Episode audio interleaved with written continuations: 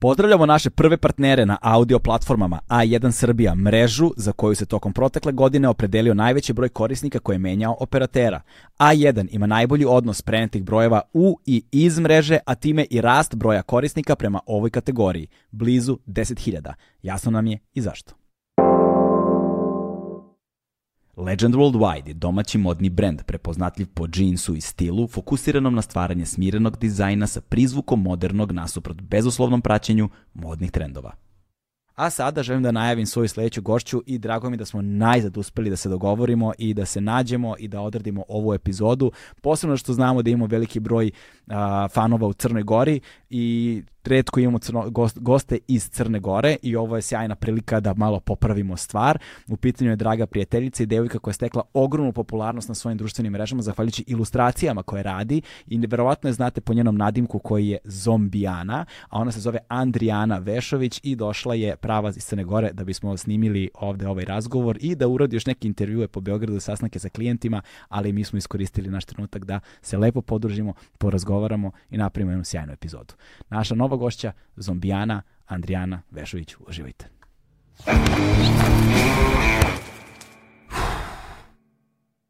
Hmm.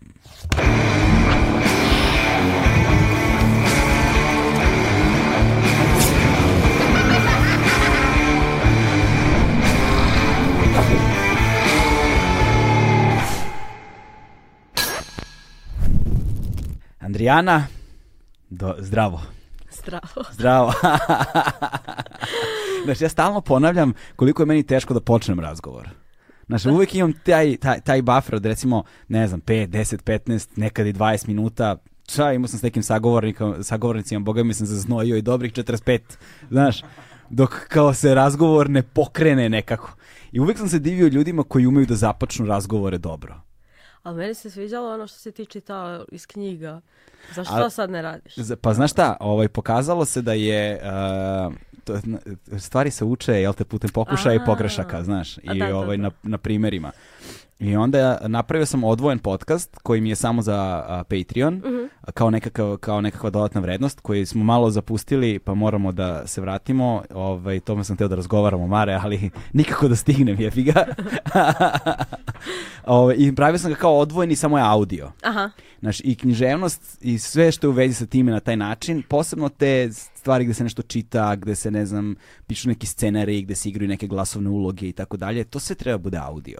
Ne da. treba da bude video. Tačno. Znači, jer to je, jer fora je kod, eh, da, da je to senzacija slušanja. A kad imaš, naš, sad kao sedimo i sad kao ja čitam i onda sad, znaš, ide kamera na mene kao ja sam nešto nekoliko minuta čitam, znaš, mislim, sad ti me gledaš ako čitam. To ako nisi glumac sa odličnim glumačkim sposobnostima, da ti sad to interpretiraš, da je to onda neka skroz druga forma. Da. da, da. Ovaj, malo je cringe pa pusti sad cringe. Mislim, da. ono, cringe. Ne, kažem, gotovan je format, ima smisla. Super je, ali je super audio. je za, za početak konverzacije, ono, čisto da, ne mm. znam, kažeš neki citat koji ti se svida, meni je to strava bilo. Pa jeste, da, tako sam pokušavao da premostim tu svoju um, nezgrapnost da. u neumenju da počnem razgovor. Znaš? da, da, da. o, ovaj, to mi je bio kao mehanizam mm -hmm. kojim sam pokušavao, ali se nije ispostavio, nije mi se dopalo kako to izgleda kada, sa kamerama. Da, da, da, da, ali dobro, pa to je i, i ljepota ovoga svega može da eksperimentiš. Pa jeste, da, da, da, da. Tako da sam razdvojio te dve stvari i onda to postoji kao odvojeno, kao mm -hmm. audio format. Ovaj, a ovaj video varijanta za YouTube i to uh, on, news, news ćemo samo ovako, znaš. Da, da, da, Vidjet ćemo koja će evolucija ovoga da bude, imamo neke ideje, ali o tom potom, možemo pričamo kad se završi snimanje. Kao, naravno, naravno. Ove, ovaj, šta, šta, je to što planiramo? A šta je to što ti planiraš? U, svašta. O, ja, uvijek kad su, me, kad su me pitali to pitanje, ja sam imala ovaj odgovor da budem srećna, a sad je više da ostanem srećna. Jel da? A, da, tako e, da, e, pa da, čestitam Ovaj, saznao sam iz tabloida. da, u alozi pročita. Da. Zamisli i ja sam. hvala ti, hvala ti. Šalim se, saznao sam naravno preko tvog Instagrama. Da. Ovaj, pre svega. I to je jedna od uh, stvari s kojima bih zapravo volao da, da započnemo našu priču. Uh, baš nam je bila ovde Dunja uh, Jovanović koja radi FFM podcast koji se bavi održivom modom i modom mm -hmm. industrijom uopšte jedan od elemenata razgovora, jedan od razgovora nam je bio taj na koji način influenceri utiču na problem, na savremeni problem vodne industrije. I, ovaj, I tu smo se dotakli onoga da je zapravo influencer postala ružna reč, znaš, jer prakse većine njih su takve da se sad jak, veliki deo negativnih konotacija vezuje upravo za ono što je njihova delatnost. A s druge strane, imamo tebe recimo, koja živiš od tih društvenih mreža koja se izgrađena kroz društvene mreže, Ovaj, ali ti si zaista primer dobre prakse. Znaš, kao ono, to je, znaš, ti si negde kao svetionik u tom moru, jer ti imaš impresivan broj pratilaca i radiš to jako dugo i postuješ na svakodnevnom nivou i zaista si posvećena, to je full time job, ja bi ga, pretpostavljam. A, pa, eto, to, to tako sve izgleda, ok, mm, da. ali isto tako da se zapali sad Instagram, da više ne postoji ja ću opet da imam posao. Mm -hmm. I to je meni zapravo i, i to, to mi osigurava da radim ovo sve, sve što sad radim, zato što ja ne živim striktno od Instagrama, ja mm. živim od moje profesije, to je ilustracije. Da. I onda ja ljudima to iskomuniciram maksimalno. Ja sam se tako ono batrgala, nisam influencer, nemojte tako me zovete i to još kad sam imala 30.000 followera, znači. Da, da, bila ultra nebitna, mislim i sad sam, ali ono kao tada sam bila baš ono i kao nisam ja influencer, ok, niko te nije tako ni nazvao. Da ali ovaj, baš sam se ono batrgala od tog naziva, ali kao kad pogledaš, uh, u toj defini po toj definiciji kao striktno ja jesam mm. i ja mhm. više ne bježim od toga, ali isto tako da se zapali Instagram, da ga više nema, ja sam mm. skroz ok, zato što sutra ja imam 99 design, tamo sam non stop mm -hmm. i imam svoju profesiju koju njegujem i to je strava. Da. E, tako da od tog influence momenta ja imam e, samo to što ja sebi ispunim dan i ne. Da. usput jer to sve što ja crtam je ogoljeno od personalizacije na kraju možda ispuni još nekome dan i onda da. je kao super, kao zaokružena priča. Ne, da, A što se tiče tog influence momenta, kao postoji, naravno da postoji, ali nije, nije mi ono glavni fokus ako se desi strava i to je uglavnom sa nekim sa kim ovaj, imam saradnje sa ljudima sa kojima eh, mi se poklapaju i, i mišljenja i moralne vrijednosti i slično i nikad ne bih plasirala nešto što ja ne koristim ili nešto što ja ne vjerujem i onda mi je svejedno hoću li ja imati to ili neću zato što mm. ja, ja, ja crtam, ja sam da, ilustrator, ono da. kao ja, ja sam influencer po definiciji, ali kao nisam klasični, da moram da imam posao te vrste. Da, šta je 99 Design? 99 Design ti je uh, freelance platforma za grafičke dizajnere i ilustratore. Uh -huh. uh, mislim za sve vrste dizajnera zapravo i package design i ne znam poster i knjige, sve živo bukvalno. I ovaj... Čekaj, to je ovaj- kao platforma, neka open, otvorena platforma koju ja mogu sad da se registrujem. Tako je, mislim, ne, e, ne sad, ništa sad ne možeš, sad ne možeš, zato što sad već postoji uh, takva selekcija da ja sam E, čula da recimo prošle godine ono ne pro, preprošle kad se desila korona i sve to onda se svi odjednom tamo nagrnuli i dosta mojih kolega koji su baš fini dizajneri i, i ovaj crtači čak i neki su tatu artisti um, ovaj jer tamo ima i taj dio kao da crtaš to važe da ih neko tetovira ono, sam za sebe nebitno ovaj, nisu bili primljeni jer sad postoji ta selekcija dizajnera jer je previše prezasićeno je mm I ovaj, uh, da li se čuo možda Zapfork? Nemam pojma, nisam. Eh. Znaš šta, sad, znaš šta čemu sad razmišljam? Sad, izvini, sad razmišljam, kad nam je Slavimir Futro bio, jel on pominjao te platforme? Ja mislim da nije, ja sam slušala taj podcast, ja mislim da, da mislim nije. da, ima dve godine, nemam pojma, znaš, da. da. tako da. Ja sam da. ga slušala i to se tačno sjećam na jednom trčanju.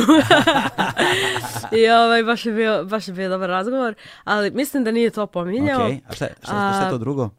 Uh, Upwork sam ja napustila odavno, tu sam Upwork. počela. Da. Okay. Tu, tu, već, uh, tu je već širok, širok spektar ovaj, zanimanja ko, uh, bukvalno freelance pa, platforma. Aha. Dok 99 Design je baš Dobro. dizajnerska platforma i ja sam tamo već 10 godina, ali aktivno sam 5 godina mm -hmm. i to je tek bio ono proces uh, non stop sam bila na tim konkursima, pošto on fun funkcioniše po principu konkursa. Klijent dođe, objavi konkurs i imaš tu dva kruga, prođeš ili ne prođeš, mhm. zavisi.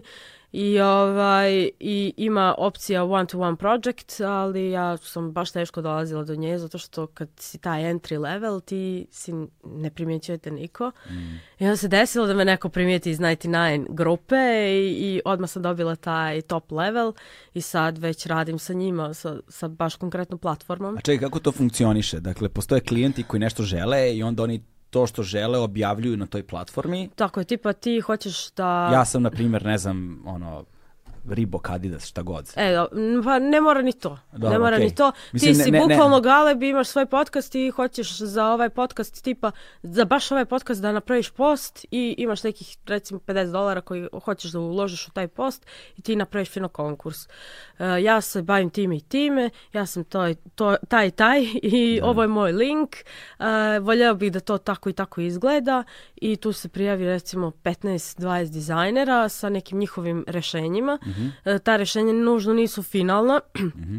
ali ima dosta ljudi koji već finalno sve to urade što je greška, da, da. zato što je u pitanju konkurs i onda to sam baš učila vremenom da, da to ne radim, da ne uploadujem odmah finale. Jer... Šta znači final, ne razumem. Pa Zašto ono što problem? ćeš da isporučiš klijentu, zato što si ti već tu potrošio dosta vremena, a možda nećeš ni proći. A, zato, Bolje okay. neku skicu, nešto, mm, bukvalno mrvicu nedovršenog ostaviti, čisto da kad dođeš do zadnjeg kruga da možeš to da uradiš, mm -hmm. jer ovako kad se sve završi ili te izabere ili te ne izabere. Ovaj, mislim, to već sa vremenom primijeti da, da, da. Kako, kako kalkulišaš sa tim. Uglavnom, Imaš e, fast track, to je da odmah izabereš dizajnera u tom prvom krugu i tu se završava. Uh, e, 99 uzme procenat i od tebe i od njega. Mm -hmm. uh, i, i, ovaj tebi dizajn, njemu novac, uh, dizajneru. I ili imaš uh, taj standardni gdje imaš prvi krug, drugi krug i uh, završni ono kao winner. Da, e, da. I to je strava. recimo ja i od dosta tih konkursa koje nisam ni osvojila, uspjela sam da izgradim portfolio na 99 u jer on dugo nije dozvoljava da ti uploaduješ nešto što nije sa 99-a. Sad već možeš, sad možeš šta, šta hoćeš. A zašto bi, oni, zašto bi oni ograničavali ko može da bude na toj platformi? A, zato što ima dosta, dosta ljudi recimo iz Indije koji rade za 10 dolara. Da, da. I onda, ovaj, mislim, što je naj, najgore, oni dobro rade Da. Samo, samo ih ima dosta i oni se baš bore da, da, da dobiju bilo šta otprilike i onda oni njih na taj način tjeraju da, da povećaju svoje cijene mm -hmm. I, ovaj, i, i jednostavno vrše selekciju dizajnera koji će biti na njihovoj platformi u smislu neće, jer ima tu dosta i, i skemera i, mislim, internet je u pitanju. Da, da, da, da. da. I isto tako ima i, i, dosta ovaj, skemera što se tiče jer, uh, tog plaćanja, zato mhm. što tu plaća se preko Pionira ili Paypala mm -hmm. i onda ovaj, i tu je cijeli taj problem. Tako da od skoro su počela da vrše tu selekciju zbog te, tog ogromnog masovnog ovaj, mm -hmm priliva dizajnera zbog samog e, ova, zbog samog covida da, da. i ovaj, zbog same pandemije i onda su krenuli da vraća tu selekciju ja sam se iskreno baš iznenadila ono, mm. neki ljudi za koje smatram da su bolji od mene nisu primljeni kao Strašno, ok, da, da evo da, vam moj profil da, da na, osnovu, na osnovu čega onda oni prave tu selekciju bukvalno pojma nemam okay, da. da. mislim, a šta, i to misliš, je a šta je bolje, čudno. Payoneer ili Paypal?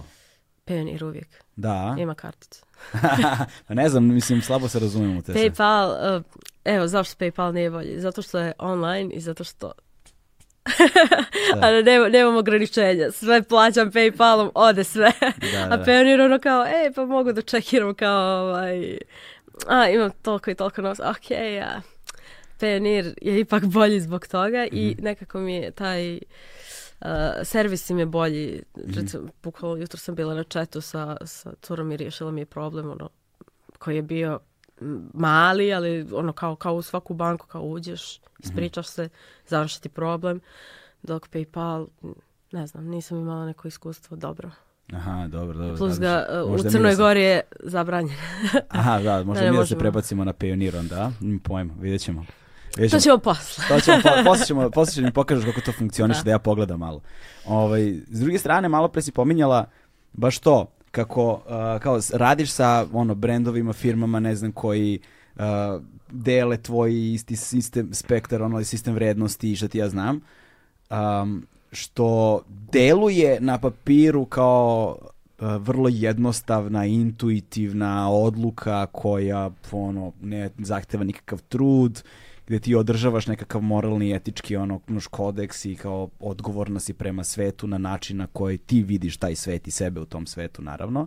Sad, naravno, tu se razlikujemo i lepota je upravo u toj heterogenosti, jel te, društva, ali u praksi se ono što naš u tom slučaju tebi i meni deluje kao prirodno, normalno, jednostavno, kao nešto o čemu se ne razmišlja, u praksi se to ne pokazuje tako među većinom ljudi. Ovaj, nažalost, posebno kad govorimo o, o ljudima koji zarađuju preko društvenih mreža. Ovaj, ali kao što si 10 godina tom 99-u, ti si otprilike 10 godina i, i na ovim društvenim mrežama yes. gradi, gradi, gradiš to što gradiš. Ja se sjećam da si, ja, kad, ja sam tebe prvi put primetio uh, na Twitteru Tako nešto, evo te ima jednom desetak 2012. da. E, jel jesi tako nešto? Da, ta sam počela u oktobru, bukvalno. Evo, ove godine 10 godina. E, to, da. da Bore da. krenule. Krenula si, da, počela si sa crtanjem tweetova. Da. U suštini, znaš, kao kako je to ono, krenulo i kako je to izgledalo u tom periodu. I zanimljivo mi je, znaš, zbog čega još? Zato što je internet izgledao značajno drugačije tada. Maksimalno. Twitter pre svega. Ono. Da, Twitter je bukvalno bio druga dimenzija. Ono, mi smo išli na Twitter da se družimo. Pa kao, pa da, jeste. Kao bio je. neki forum, kao fazon. Da, da, da, da. da. Sad, sad mi Twitter izgleda kao neka uh, sekcija. Septička jama sekcija onih komentara na nekom lošem portalu, otprilike. Eto tako, pa da, da, da, ne da. bih da. baš skroz uvrijedila. Da, da, ja bih rekao septička jama. Jel da? ovaj, Mislim, ima i sad cool sadržaja, ali znatno manje. Mm. Uh, tada je stvarno izgledalo bolje ili, ili smo mi samo subjektivno, ne znam. Mm. A, ali ja sam baš na Twitteru dolazila da se družim sa ljudima. Ono, dopisivala sam se sa tonom ljudi i super su mi bili svi. Da. I još sam bila tada ovaj, na fakultetu a, treća, ne, druga godina fakulteta a, u Podgorici, vizualne umjetnosti sam studirala mm. i bila ubiđena da ću da radim u butiku, znači nema šanse da ću ovim da se bavim, jer ništa novo uporno ne saznajem, a, a ono, nikako da mi dođe u glavu da taj fakultet ne može ništa da mi priušti ako se ja ne zainteresujem za da, njega. Da, da, da. Ako samo mehanički radim zadatke i polažem ispite, ćao, ništa od tog fakulteta. Mm. Mislim da je tako sa svakim fakultetom otprilike. Ako se malo ne zainteresuješ i van njega, džabati. Da, da, da. I uglavnom, ovaj, kao na drugoj sam godini ubiđena kao gotovo je, ja ću u butik i to je to, idem na Twitter da hejtujem i to je to, super. I ovaj, jednog dana ja predložim svojoj koleginici jer smo imali ovaj, na fakultetu kao neki a, zadatak a, za multimedijalni neki ovaj, uh, neki predmet bio multimedije, čini mi se. I uglavnom bilo je kao da iskoristiš uh, neki kao društveno odgovorni uh, poziv ili uh, bilo šta samo da uključuje publiku ili internet ili da ne znam lipiš plakate ili na neki način samo da, uklju, da uključi to, te ljude što, što prate to što ti radiš mm. ili ne prate nego će da se upoznaju sa tim i ja njoj predložim kao e zamisli mogla bi da crtaš tvitove ali domaći pošto postoji jedan lik koji crta strane ali on to završio prije godinu dana i kao on je određen broj tvitova nacrtao i to je to plus mi se ne sviđa što su njegovi bili predugački, ja njoj sve objasnila, ono kao, dala je, kao, ajde radi ti to, ti, to bolje, ti, ti bolje crtaš. Da. I ona meni rekla, to ti je glupo. I ono, pa dobro, šta. Da. I onda ja dođem opet kod tog lika i sad mi je pre, pre crno što se ja više ne sjećam ni kako se on zove. A, a on me je čak, on me je čak i menšao i čestitao mi kako dobro izgledaju. A čekaj, to, i to. znači ti si kao, kad kažeš došla kod njega, to je kao našla si ga online. Da, našla ga ja na Twitteru i on sve to uredno postavljao, bukvalno ono isto što sam ja radila. Mm -hmm. I ovaj, i mislim nije isti koncept na kraju, ali e, ovaj, mislim ista da. ideja, da. da, ono kao crtaš tuđe tweetove. I ovaj, on je pravio kao neke konkurse, ono, da, da mu se ljudi javljaju sa tweetovima. Ja sam već bila, ono, radikalna. ja sam sama birala. I uglavnom, ovaj, ja odem kod njega, ja to gledam kao super mi je sve strava. I kao, to ja ne bih crtala ono kao ovaj, to ja se time bavim. I onda ja pobjegnem sa fakulteta sa jednog predavanja, a to je web dizajn, ne podnosim ga. I dan danas dali su mi sedmicu, jedina sedmica koju imam. da, da. Ovaj, u indeksu je njihova. Baš nisam voljela taj predmet i ja fino... A što? E, zato što su profesori bili takvi. A, okay, to je to. Okay, to nisu jasno. mi prenosili znanje, nisu uvažavali što ja iskucam koda, neću da koristim tu, taj program što oni kažu. I tako ono kao bila sam buntovnica, luda, tata. A1 je prvi prijatelj audio izdanja Agelast podcasta. I ovaj, uglavnom, uh, ja, ja odem odatle i bukvalno od fakulteta do kuće imam 20 minuta i ja za tih 20 minuta sve smislim napraviću Tumblr, zvaće se tako i tako, ono, već se zovem Zombijana na Twitteru, znači Zombijana crta Twitter, da. a, postavljat ću svaki dan, a, onda kao u opisu napišem taj tweet, ali linkujem a, nickname da ljudi mogu da odu kod te osobe, znači to je uzajemna promocija, znači sve, bukvalno a, do znači, detalja. To je znači, bilo tendenciozno. Ono, bukvalno kao... sam bilo u fazonu, znači ono kao neću ja da samo kao krenem no. Da. i žvrljam, nego kao ako ću da radim, ono kao ima full da radim. Ujebote. Da ono kao, to je to, ja sam bukvalno bukvalno došli, samo krenula i to sam krenula od moje kume sad već. Jer kao, bilo mi je najlakše od nje, najbolja mi drugarica njen će tviti, ono kao šta radiš ovo, prilike, šta si mi menšala, kakav je ovo crtaš. I onda kao bukvalno... Ko će kao... da kaže nešto lepo za tebe, ako ne tvoj najbliži? naravno, naravno. Ko će Na, da te naročito pohvali? moj da? brat, on, on me najviše fali od svih. da, da, da, da to, da. da. Kao, kako je ovo? Ne. ok, hvala. Da, da, da. Šta radiš ovo konjino jedno? Bukvalno, taj level. I ovaj, i samo je tako krenulo, da. ovaj, samo sam krenula da postavljam svaki dan, nekad nisam ni, ni stizala da jedem, ono, do uzbuđenja, kao, taj Stvar. crtaj, da, ono, baš sam bila kao u tome, pa onda e, neću da crtam u boji, samo je crno, zato što to kao u fazonu, oni su svi zombi i ono kao ja i dalje njegujem taj moment da, da je to slatki horor, jer ja nisam htjela nikako od toga odustanem, jer su me na fakultetu profesori ubiđivali da je to faza, da ću ja da pređem preko toga, da ću da. početi da pratim trendove, da, da je sve okej, okay, kao, ono, kao, Aha, cr, neka crtam ja sad kao metal i sve da, toga. A, shvataju, shva, shva, to mi je najgore kod tih stvari, znaš, pos, po, to se često sreće uh, kod nas koji dolazimo iz tih nekih subkultura koje su, ono, znaš, to iz panka, hardkora, metala, veliki broj ljudi koji zapravo nisu nikada bili deo te zajednice, to doživljavaju kao neku fazu nezrelog, da. besnog tinejdžera koji ćeš da prerasteš. Najjače mi je kad sretnem nekoga koji je u fuzonu, koji je, bio sam ja metalac kad sam imao 16 godina, znaš, fazonu sam, Vrate, niste nikad bio metalac onda, znaš, pa, kao, pa, ono, kao, okay. kao, što je, kao što je Siniša Mali bio punker, jevi ga. ono, kao, okej, okay, pa dobro, ko ti brani, ono, pa, da. mislim... Da. Ali fora što se ta estetika vrlo često doživljava kao nešto što je prolazna faza i banalna stvar. Pa da, nisam imala nikakvu podršku u tome, ono svi su mm. bili u fazonu, ah, evo je ona opet sa, sa cupcake-om na, kom, na, kojim, na kom je oko, ono da. kao...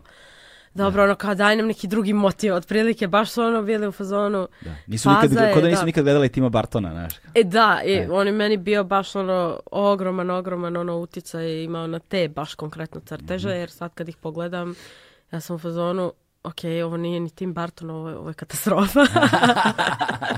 baš ono surova, jer baš mi se ne sviđaju.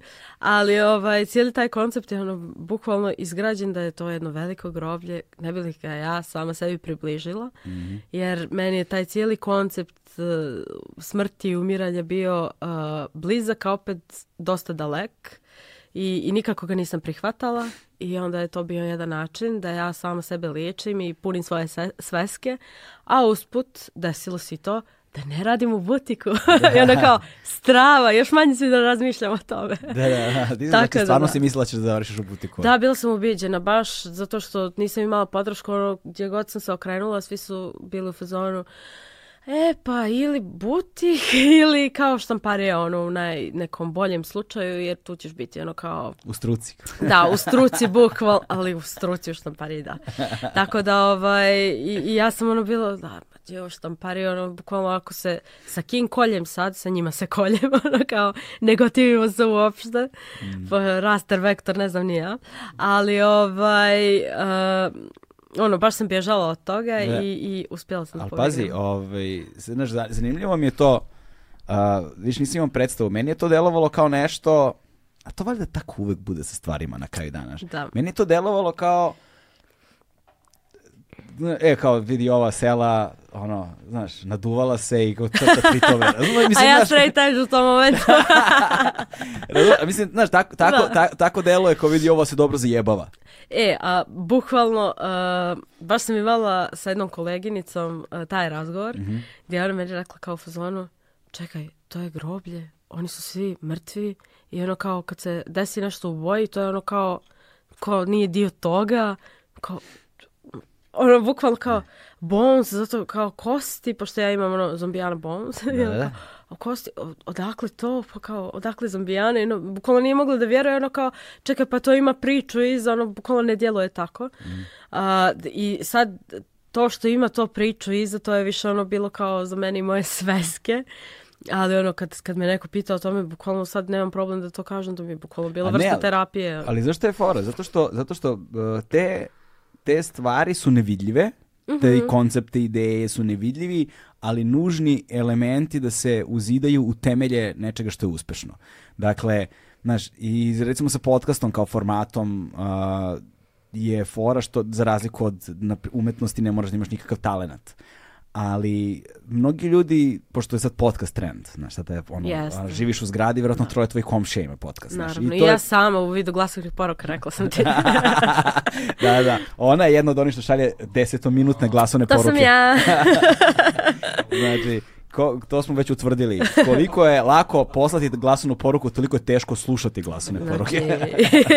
ja to stvarno ne mogu da podnesem. Ja ne znam, znači, ok, možda sam samo amatorio, ali meni je to nepodnošljivo. U svak, sad, kad krenu, kad, sad kad sluša ekipa, počnu svi da mi šalju glasovne poruke. Znaš šta je samo tu fazon, izvim što te prekidam, što, što zaboravim pola stvari i onda ja ne mogu da odgovorim na sve, pa se nekad desi da slušam ponovo. E, to me jedino nervira. ali sve ostalo mi je cool. Ne znam, keeping up with the kids. Užas. Da, strašno. E. I, ovaj, I onda ljudi tako, znaš, podcast počnu um, ad hoc u tom kontekstu. Kao, e, misle kao staviš dva mikrofona, sednemo i gotovo. Mm, da. onda shvatiš da zapravo nije baš tako. Pa nije Ove... treba početi konverzacije. A je, između ostalog, da, između ostalo. To, nic, ne, to verovatno neću nikada savladati da. i ono, pomirio sam se s tom činjenicom. Ali a, moraš da imaš negde jasnu ideju a, koja će da bude kao nekakav mehanizam koji pokreće sve to mm -hmm. i mhm. koji omogućava da to što se pokreće bude u kontinuitetu.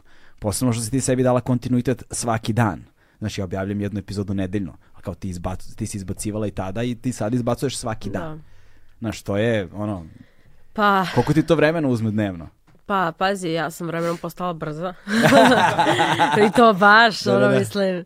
Da, video sam te neke demonstracije, te videe na Instagramu, to delo. Znaš šta je fora, u toj brzini ono što je ono što je očaravajuće i zavodljivo jeste što kada si, se izveštiš i ta brzina daje jedan utisak jednostavnosti. Da, mislim ljudi, ono bukvalno jednom sam pravila live u kom sam ja crtala i bukvalno ono svaki komentar vidi ti, tu nju, vidi ti nju kao njoj to očas posle, ono kao dobro, ali bukvalno šest godina prije ovoga sam svaki dan crtala, svaki dan. Jer uh, ja sam tek tipa prije četiri godine prešla na digital, mm -hmm. do tada sam bila papir. Idemo, skeniraj, pa onda u Photoshopu, pa to je bukvalno izgledalo proces za jedan tweet, ono, 2012. trebalo mi sigurno jedno 3-4 sata. I ok, meni se nekad dešavalo da ja nacrtam i dva dnevno, ono, bukvalno toliko sam bila zaluđena, toliko je bilo tu sadržaja tih tweetova koji su meni dopa dopadali u tom momentu. Mm -hmm. Ja sam bila fazona, žalim sve da nacrtam. Ono, da, ja ću. I uopšte nisam jurila ono kao, mislim, znam kako to izgleda sa, s, ono od spolja, da. Uh, kad, kad to nisam ja za mojim kuhinskim stolom uh, koja skeniram i ko, majka koja vrišti na mene šta ima na tom kompjuteru. otprilike. Pokvarit ćeš oči, Boga, sine. Pokvarit ćeš oči. Idi malo napolje. Ovaj, kad se sve to ne vidi, ono, samo djeluje kao, kao da sam ja, ne znam, ono, kao da bukvalno jurim šerove, lajkove, ne znam ni ja. Mm -hmm. Zapravo, to, izvim, se to kaže tako. chasing cloud. Se tako Jale, kaže, a? Ne znam.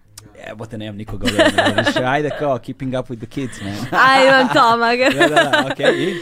Uglavnom, e, baš, baš se nije dešavalo to, kao nisam imala taj poriv, ono da imam ja više pažnje ili šta god, samo sam htjela kao da budem dio nečega, ono kao ja to nešto radim i kao ljudi to prepoznaju kao, kao cool, ono kao, mislim, time, se, time želim da se bavim i ono kao ću da testiram da li ja mogu time da se bavim. Da, da. Jer ja imam feedback ono, od većine ljudi da, da je to faza i ono, hoće da, da vidim, jer ja kad, ne znam, na omotima nekih CD-ova, na nekim posterima, ne, u nekim knjigama, ja vidim da to može i ono kao, hoću da testiram da li to može mm. stvarno. I to može stvarno, da, da, samo da. mora svaki dan i dugo, dugo, dugo da bude besplatno. I to je ono što ljudi ne kapiraju. Ja i dan danas uh, za moj, od mojih Instagram postova 90% je besplatno. I samo za mene. I ja ih šerujem i to ne ljudi ih pokrade. To sam pozvala, primetio, da. Merš. ono bukvalo ga pozvala, ma neka ti ga. I ono, natatala sam ga za 15 minuta, baš me briga. Da. I sad sam ono počela da eksperimentišem sa četkicama i ne znam nije, pa to malo potraje. Ali inače ono kao, ma, ajde. Šta da, ono. šta da eksperimentišeš sa četkicama? Pa u, u tom programu u kom sam crtam, više nije ono... Kom programu crtaš? Procreate-u. Mislim, ja ne znam da, ništa, ali, e, ali pretpostavljam da će ovo slušati i gledati ljudi koje zanimaju ovakve stvari i onda...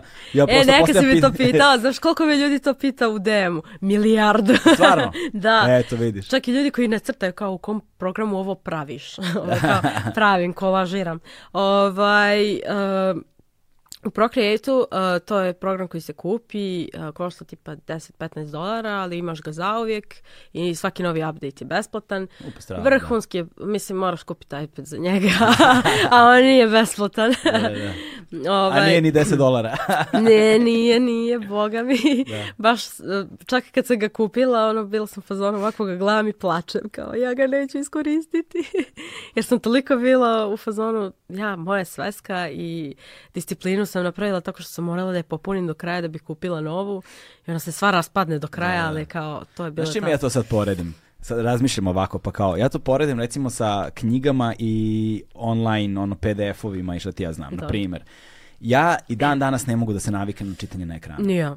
Znači, za mene je to, evo recimo sada, imam već nekoliko meseci, ulazim u jedan projekat lični i, ovaj, i ulazim u njega evo već 7 meseci, 6-7 meseci, ne, nije baš 6-7 meseci, ali recimo 4-5 meseci nisam napravio još uvijek prvi korak, zato što je arhivska građa sa kojom se suočavam, jedno stoji mi folder, u njemu je jedno 12 knjiga, od po hiljadu strana na engleskom jeziku, da.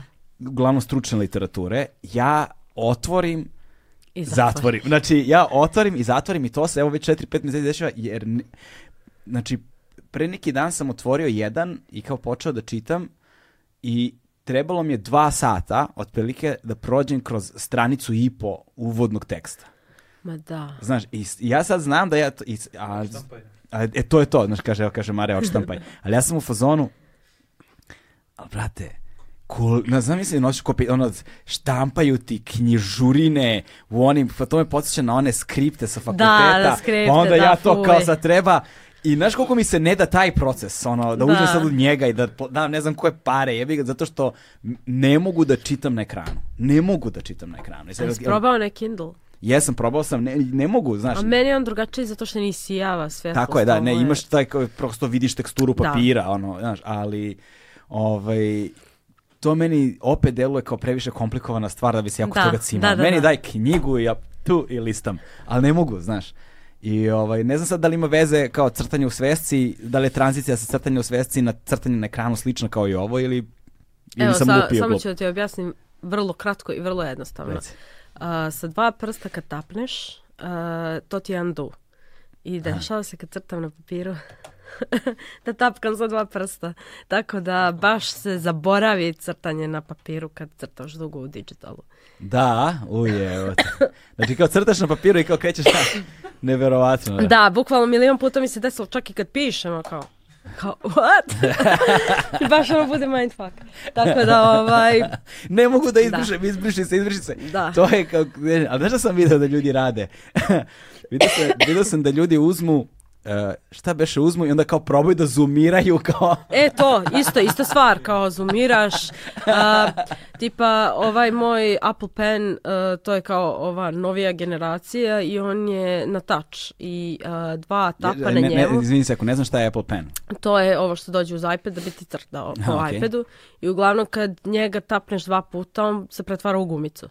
Mislim, to je ta skraćenica i sad bi se desa, dešava i na običan, da, da tapćem dva puta, ali nije. Na običnu olovku. Da, da, da, da. bukvalno ono, toliko, toliko sam u tome, jer ja, recimo, meni se dešava da, da ja na iPadu, ne znam, potpisujem dokumenta, da, da čitam, mm. Eh, ne znam, da pošto pišem te neke kolumne, da, da na njemu pišem te kolumne. Dešava mi se da, da dosta koristim taj iPad, čak i kad scrollam Pinterest, ja scrollam sa olovkom. Čekaj, pišeš, pišeš ne, kolumne? Ne, ne pišem, ne pišem tako, ali kucam na onom, znači Aha. na onoj, znači katastrofa. Mislim, na touch screenu kucaš?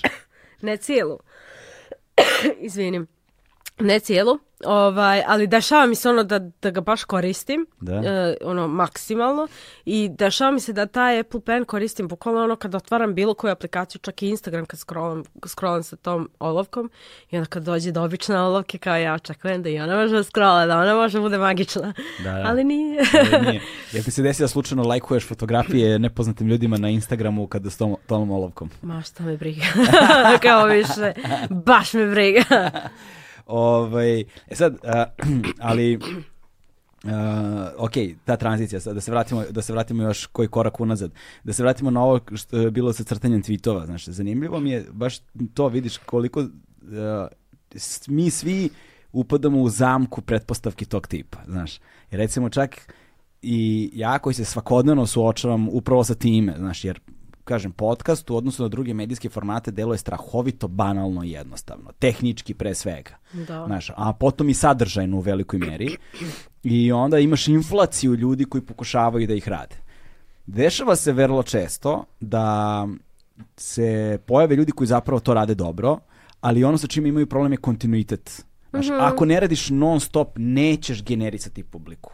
Tako Znaš, onda naprave, ne znam, 10 kao, i onda naprave 10, 15 epizoda, ne znam, pa na 17. odustanu. Na 25. im je nešto bitnije u životu ili im se nešto nije dopalo. Znaš, na 48. je idem na more dva meseca, nije važno, razumeš, uvek je nešto. Da, da. I, ovaj, I onda se razočaraju što nisu napravili uspeh, nisu, ne znam, izgradili ne znam koliko publiku ili nisu zaradili novac, što je E pa to je, to je i problem što ne. ljudi ulaze sa motivom novca mm. i što im je pitanje kad počinje da se zarađuje od Instagrama. Nikad.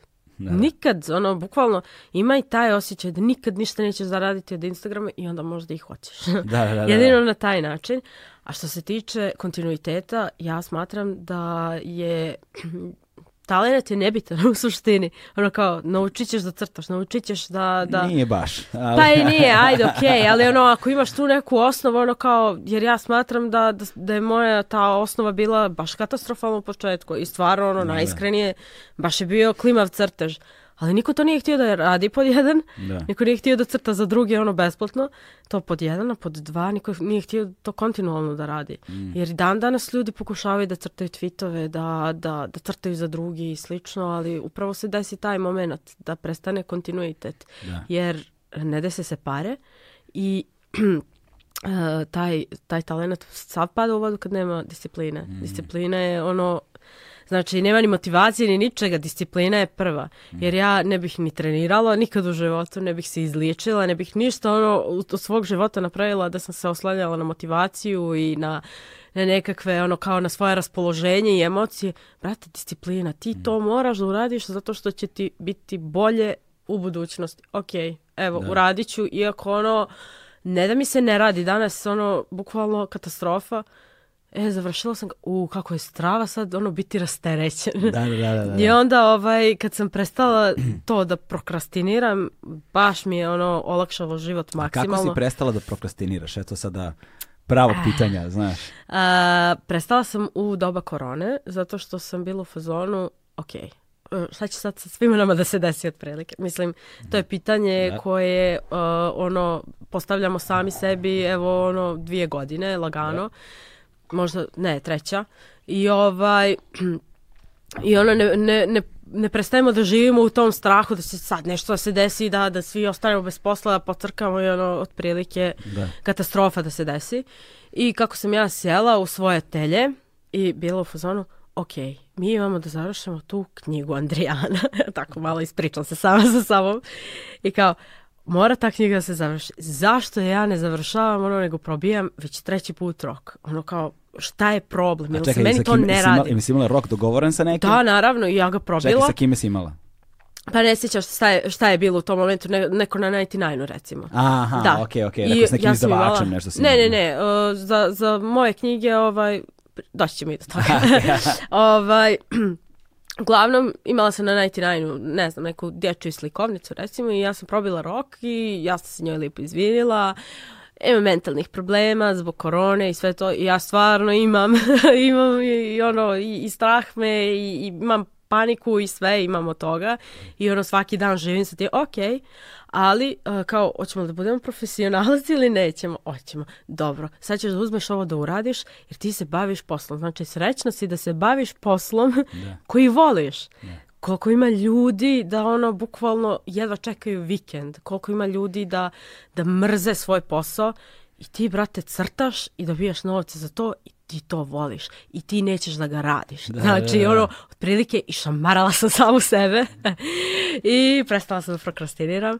A, sad sam toliko prestala da prokrastiniram da, da mi se došla da petkom zakazujem mailove za ponedeljak, da. taj level. I onako se osjećam rasterećeno, oslobođeno i mm. veoma disciplinovano što se tiče moje profesije. Naravno, uvijek ćeš ti to da naletiš na nekog ko kao jednostavno uh, neće biti zadovoljan sa tim ono da, da, da. koliko god da, da je to maksimalno ja. profesionalno i koliko god da mm-hmm. izletiš unaprijed što se, pošto ja više ne, ne čekam ni dan roka nego to se završi sve prije roka Naravno, uvijek će biti neko ko će biti nezadovoljan, ali 99% ljudi je sada zadovoljno. I onda sam zadovoljna i ja. I onda još više uživam u svom poslu. Isto tako, ovaj, kad smo snimali onu reklamu Aha, za da. Sprite. Da, da, tako je. Ovaj, srce na hejt. Tako je, da. srce na hejt. A, tada je producent bio Ivan, čini mi se da, uh, e, Stojsavljević. Jeste, da. E, Stan, uh, e, Stojiljković. Stojiljković. Stojiljković, Stojiljković, da. da. Imam drugaricu Stojsavljević. Da, da. Uglavnom, ja kad sam gledala njega kako on voli svoj posao, to mi je još bilo ono kao nevjerovatno, kao, je li moguće, znači on mene vraća, sad vremena govorim jednu istu rečenicu. Da. Kao, je li moguće ono da on mene ovako maltretira? Ali on hoće da to bude savršeno, da to bude strava. I kao, baš mi je strava kako taj lik voli svoj posao. Da. Hoću ja da volim svoj posao tako. Ono, zašto ja ne volim svoj posao? Ono, a, bježala sam da ne radim u butiku.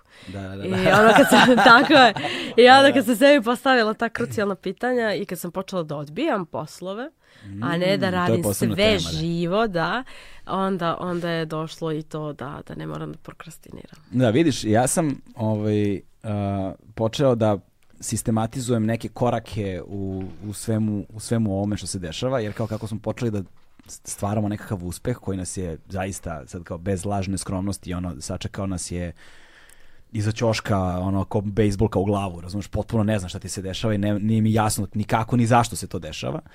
Ali onda počinju da te zovu, znaš, u početku covid to su bili ti, jel te, zoominari, webinari. Ja, poluđeću od toga. ne mogu, nemam, nemam mene deset da budem na svemu tome. Pa je, da. I, ovaj, i, onda, I onda te oni sad bi oni kao nekakvu edukaciju šta i kako. Ja sad stvarno ne znam šta da im kažem. Da. nemam nikakvu predstavu, ali sam negde uspeo da rašalim neke elemente i vidim jako puno tačaka podudaranja s ovime što si ti pričala. Znaš, s jedne strane moraš da znaš tačno šta želiš. Znači, baš moraš da znaš tačno šta želiš. Kao da vidim kao ovo i da imaš neki cilj koji će se menjati vremenom. Sve ćeš ti to da razbucaš, da rasturiš, da. ali moraš da starta, startuješ sa nekom idejom, jasno. Onda uh, moraš da, uh, kada kreneš sa tom idejom, uh, jedna stvar koja će ti se desiti apsolutno, apsolutno će ti se desiti, jeste da ćeš praviti greške. Uf.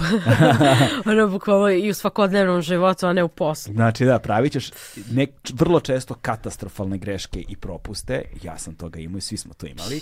Ali fora je u tome da moraš da budeš spreman na te greške. Naravno. I da je, moraš da shvatiš da imaš prava na tu grešku. I kada krenu ljudi da te napadaju, da te optužuju ili šta god, ona prva stvar, dakle, u ovo verujem, i da. zato što u to verujem, to ti daje snagu da guraš kroz taj period tih greški. I treća stvar koja je neophodna, dakle to su to prvo, prvo tri koraka, treća stvar je kontinuitet. Tako je. Znači, izbacuješ, ako je svaki dan, svaki dan. Ako je loš crtež, jebi ga ide loš crtež. Tako je, ako je loša tema, jebi ga loša je loša tema. Ali to ljudi poistovetilo sa njom šta da radimo. Ja jesam, meni je dobro bilo, pa šta sad? Tako je. Eto, makar ima jedna osoba koja je dobro bilo, to sam ja, sve je okej. Okay. tako, tako, je, tako da, je. I, I jako je bitno u svemu tome biti svjestan sebe. Mm. Ono i koliko možeš i da se što mi kažemo pružiš koliko možeš, da, a da, ne da, da. ono više od toga. I ovaj Jako je, jako je važno to. biti svjestan sebe. I no, četvrta pridodata stvar bi bila ta motivacija. Motivacija mm -hmm. negde mora da bude unutrašnja. Ono, no, dakle, dakle, da ti iz nekog razloga to želiš da radiš, a da taj razlog nije novac i uspeh. Znači, to dve stvari koje ne smiju da budu razlog. Jer ja mislim da sam to više puta isto pominjao u ovom podcastu, kaže kako 90% ortaka, ono, i ortakinja u, u, kod nas sedaju, kad treba se radi neki posao, sedaju na kafu, znaš. Kaže, mm -hmm slušaj brate, mora se zarade neke pare. Znaš, kao, i onda smišljaju šta će u odnosu na to šta je trenutno aktuelno da se zaradi novac. Hoćemo li neki projekat? Hoćemo neki podcast da, da pravimo. Da, neki podcast, da zašto da ne? to, da. I, ovaj, i onda im je, znaš, i onda je početna pozicija je pogrešna. Znaš, kao, mm -hmm. ajde mhm. nemoj da ti početna pozicija bude hajde pravimo neke pare. Tako. Nego hajde da ti početna pozicija bude hajde da radimo nešto što nas zapravo zanima. Da, da, da. A onda da vidimo da li će možda vremenom doći novac od toga što nas zanima i najčešće ljudi moraju da imaju i plan B, znaš, to je ovo tvoje kao, znači, da. meni sav Instagram da izgori, imam, no, imam svoj posao, posao da, tako da, je. To. Mislim, morala sam na to da se, da se oslanim. Ja baš sad uživam u tome što sam ja na Instagramu. Da. Jer moj Instagram prije, recimo, pet godina i moj Instagram sada su ono, bukvalno dva različita profila. Mm Uh, ja sam to ono privatnih stvari postavljala kao što smo i, svi mi u jednom momentu. Tako je. Evo da. ovaj, da. O, da. kako sam se pokajala. ovaj, svi smo, svi smo, ne brije ništa. Tonu, tonu privatnih stvari, tonu nekih uh, informacija koje nisu bile relevantne za druge. I onda sad kad pogledam svoj Instagram profil, ja sam veoma zadovoljna zato što tu ima privatnih stvari, ali ne onoliko privatnih da ako neko kaže, ne znam, nešto za to da se meni ne sviđa, to mene ne može da povrijedi zato što sam ja dala onoliko koliko sam mislila da treba da dam. Mm.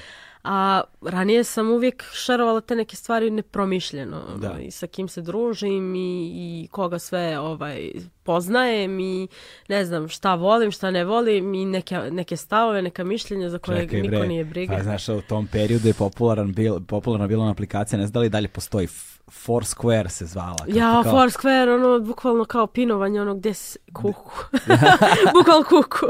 Zamisli kao sad ti se check-inuješ. Da, brate. Gde si, gde, gde, gde sam I onda svaki... si kao king onog, kao tog prostora, ako si jeste, to više je puta tu, znači da, da, da, da. katastrofa. To, e, a to je baš veliki problem, ono kao to je baš velika Zamisli invazija na privatnost. Ne, Zamisli to danas.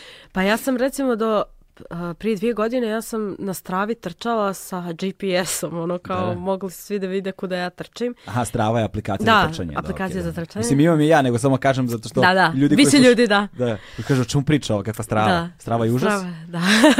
strava je aplikacija za trčanje. Ovaj, uglavnom, tamo sam trčala sa upaljenim GPS-om na satu i onda kad tamo se cijela ono mapa ocrta, ja tipa neću da, da potrošim ni jedan jedini korak da ga ne zabilježim, pa onda odmah krene da trčim od kuće. I onda sam se mogla da, otprilike znaju gdje živim, na, preko toga. Da. Ja sam sam stala, u jebote, ono kao, da. Katastrofa, samo je krenula anksioznost da me lupa, ono kao, da li dobro išlem treninge sve, da li dobro išlem cijeli profil. I onda samo, ono, postoji rešenje, a to je ne upaliti GPS. Da, kao da. koga briga kuda ja trčim na kraju dana. Tako je, da. I, ovaj, I sad, s jedne strane, ti si izgradila svoje ime i negde svoj identitet na Twitteru, ali Twitter je prevashodno, ono, nije vizualna platforma u tom kontekstu. Znaš da. da, postao je neki vizualni sadržaj na njoj, ali nismo je primarno zbog toga koristili, niti je ono, niti se koristi tako na taj način dan danas, danas pre svega. Ovaj, ali tada, je li tad postao Instagram? Nije postao Instagram? Tada? jeste, jeste. Jeste, kako Instagram postoji? ja mislim baš od 2010. da postoji. Samo ja ga, ili 11. Ja ga nisam koristila s, do 13. Da. A, tako, tako ne, nešto, ne, da. Ne da postoji on dosta godina, ali Twitter postoji daleko duže, jer ja se sjećam ono 2006. da smo bili na Twitteru. Ne. E, i ovaj, thumbnail je tada bio, ali otkako su ukinuli pornografiju na thumbnailu, mislim... Ne, ne, ne Tumblr, Tumblr. Tumblr, Tumblr, a thumbnail je fotografija. E, a nisu, nisu, nisu, vjeruj mi, znači scrollaš i samo ti izleti. nisu ukinuli pornografiju na Tumblru, a? Nisu, a to je bila prijetnja velika da hoće, ali ne može zato što ima tu tih nekih, ovaj, ne znam fan, kako se to zove, fan onih fan fikcija, je li? Aha, da, da, e, fan fiction, da, da, da. Ovo ne može da ide bez tog gifa. da, da, da, da, Tako da ovaj, nisu na kraju, ali evo baš sam skoro ušla da ga obrišem i vidjela da nisam. Jel, šta je sa Tumblrom sad? To je sad, ono, nije popularno uopšte kao... A, ja znam možda dvoje ljudi da ga koriste. Ja sam bukvalno ušla prije neki dan da ga obrišem zato što su mi stizale ono, mailovi koji mi nisu bili potrebni. Da, I koji su me smarali kao ajde da ga obrišem. I ovaj, baš, mislim, A Meni on, da. on je bio nekako jednostavan da napraviš možda neki sajt, mm-hmm. ali ne toliko ovaj, napredan da, da baš pravi sajt napraviš od njega. Mm-hmm. Jer mogao se staviš i domen i ne znam ni ja, tako da sam ga u početku baš za to koristila. Ali meni to sad nije potrebno. Ono, imam 99, imam Instagram i kao da. ne vidim pojentu sajta. Da, da. Ali sa Instagramom zapravo uh, kao vizualnom platformom tebi je krenulo ono kao Pa uspa. nije, nije tako da. odmah, nije. nije, nije. Zato što sam ja sebe ubijedila nakon te, pošto sam imala kao dvije sezone crtanja tweetova, mhm. jer sam ja ono kao preko ljeta totalno batalim i onda ja vidim kao, v, nije mi normalno ono kao po cijeli dan da ništa ne radim. Da, ono da, kao, da, da.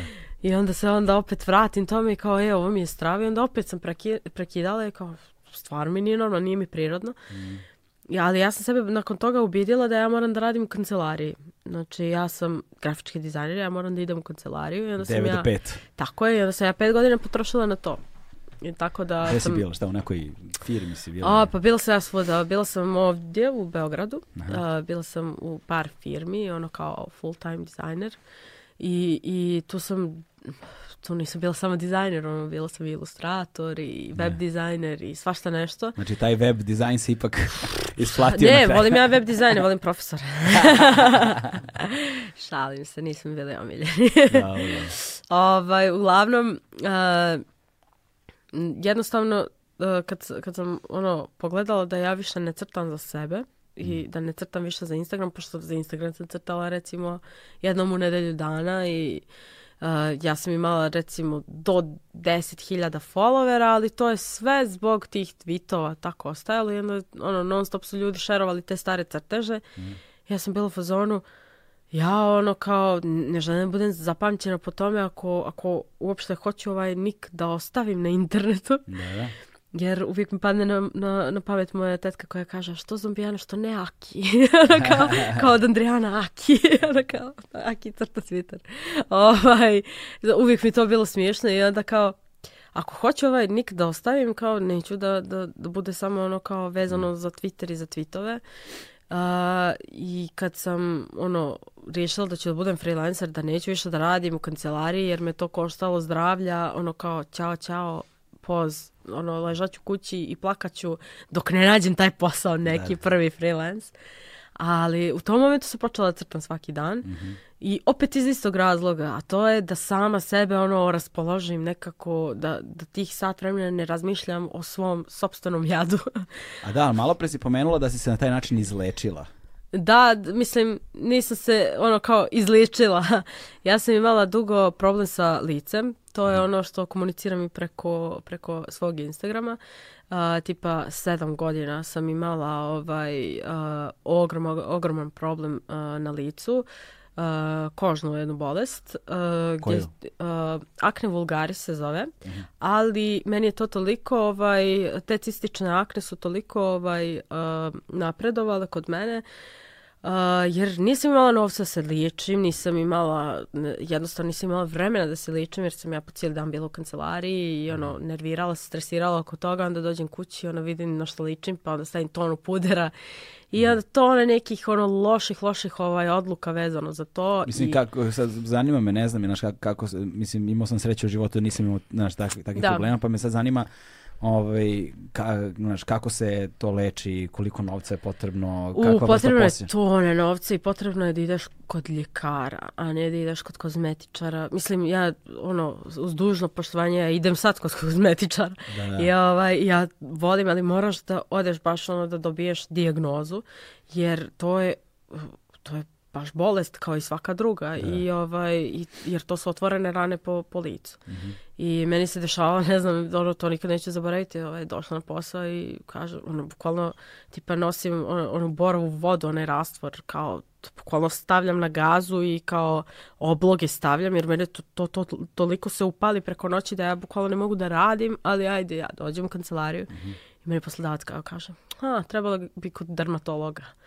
I ona kao, ja zamisli, nisam znala, ono kao, ili šta ti je to, ili ono kao, znači svakakvih ono, ovaj, momenta je bilo tih sedam godina, uglavnom, uh, Uh, do tog momenta... A do... to je baš bilo ono u kritičnom periodu života, kako, koliko si imala godina kada je to krenulo? Uh, od, tipa, mislim, meni je to krenulo na fakultetu. Dakle, za 20 godina. Tako je, od neke 18. do 25. Pa. Recimo, da. Mm. Zajeban Tako. period da imaš taj problem. Znači, nema izlaska iz kuće, nema, nema samopouzdanja, nema ničega, otprilike. Mm.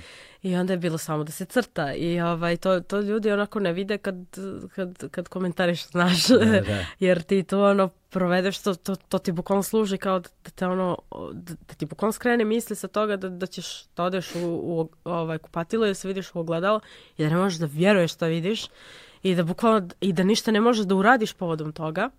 I ovaj, i onda sam ono, napravila tu neku ušteđevinu da počnem da se ličim, pošto mhm to, to je sve ultra skupo. Kad kažeš ultra skupo, zanima me sad naš ono... E, pa evo recimo, uh, ja sam morala pijem tablete jer sam došla do tog levela, ovaj, da, da sam morala da se ličim tako.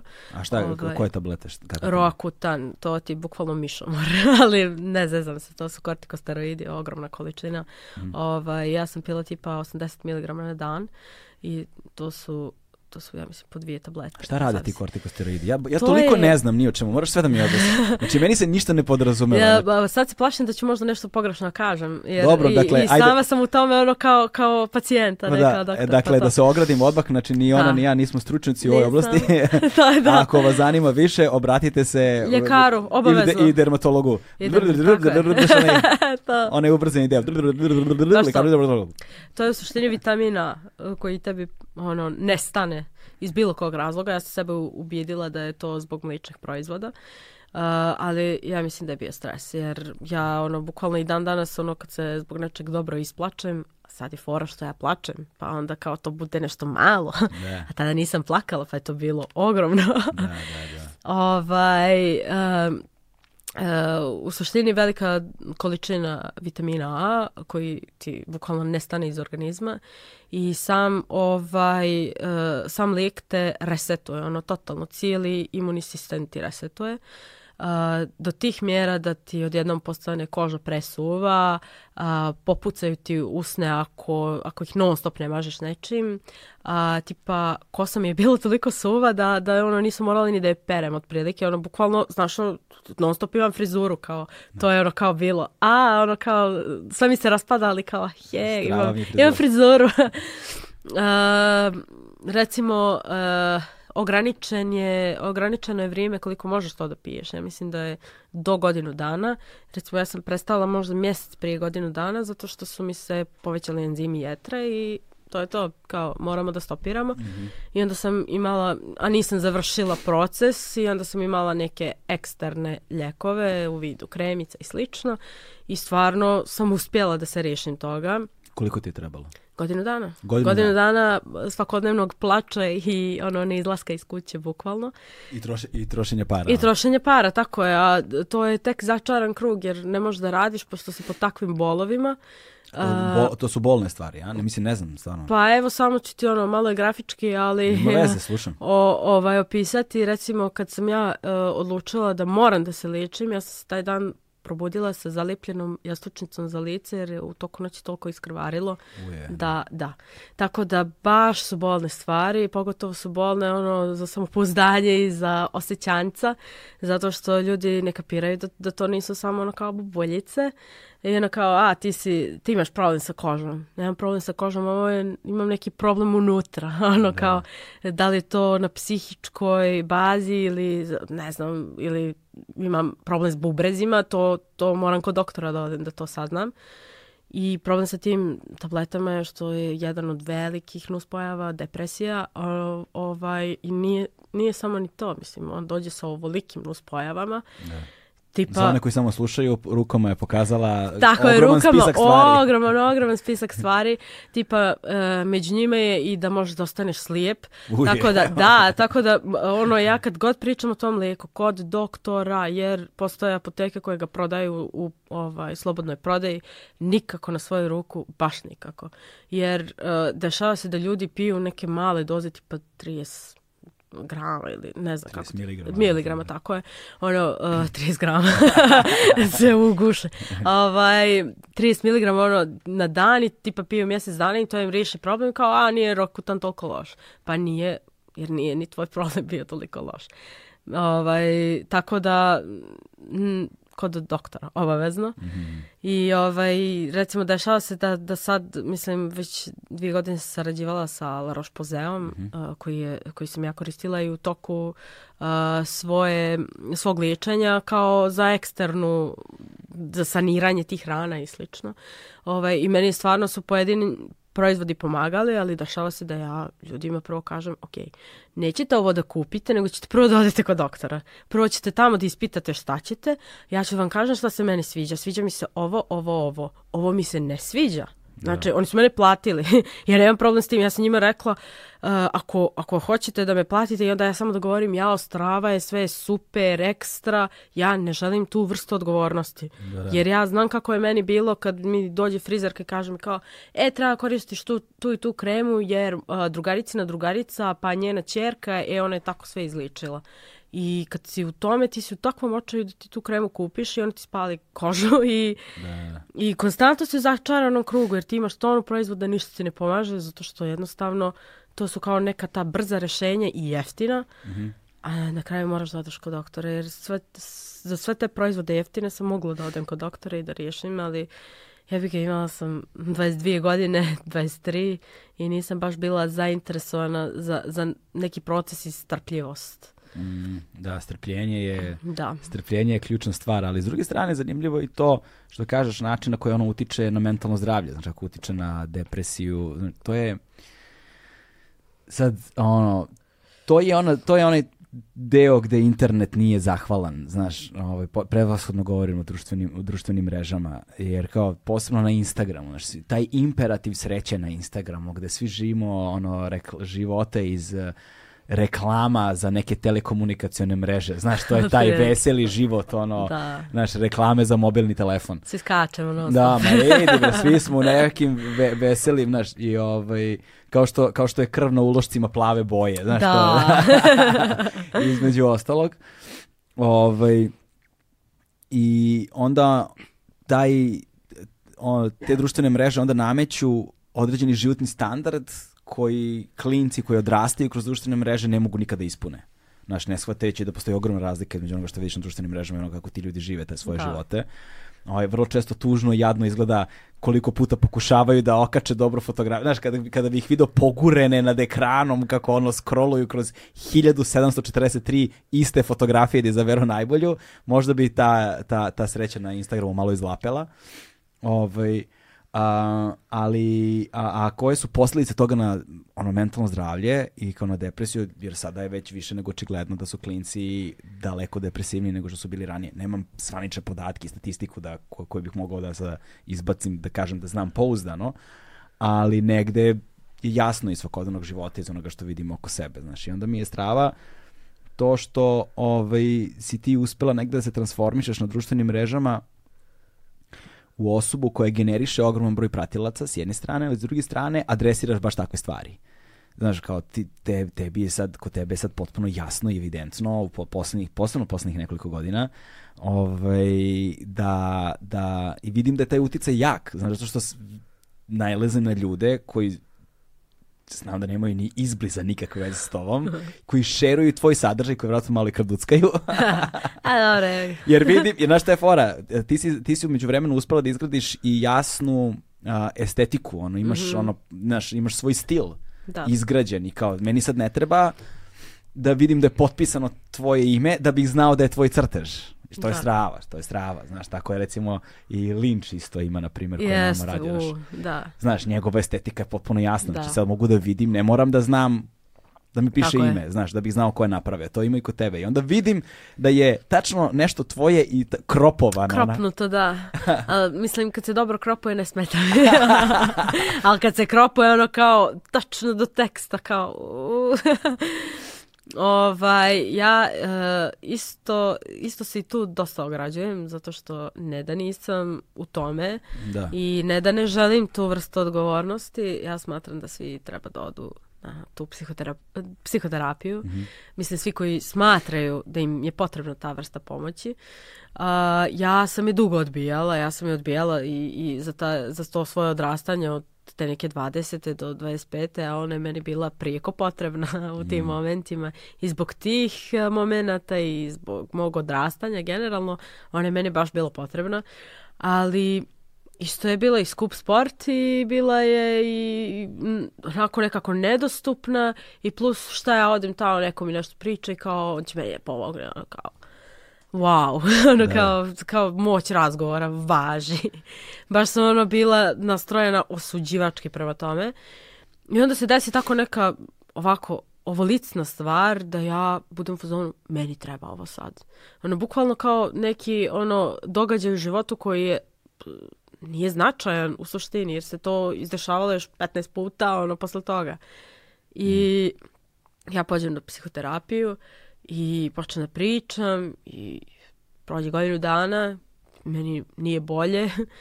Prođe još godinu, ja se opet, mislim, pošto sam imala ne ciklus po tri mjeseca pa se vratim, opet nešto pričam, kao meni bude bolje u momentu, ali kao ne primjenjujem je. Da, da. Jer uh, ja dođem i pričam o tome kako sam se uh, pošto sam ja kratkog fitilja, ja se baš puno svađam. da, da. ovaj, ja dođem i pričam kako me to nervira, kako neću se svađam s ljudima, kako da pristupim tome da se ne svađam.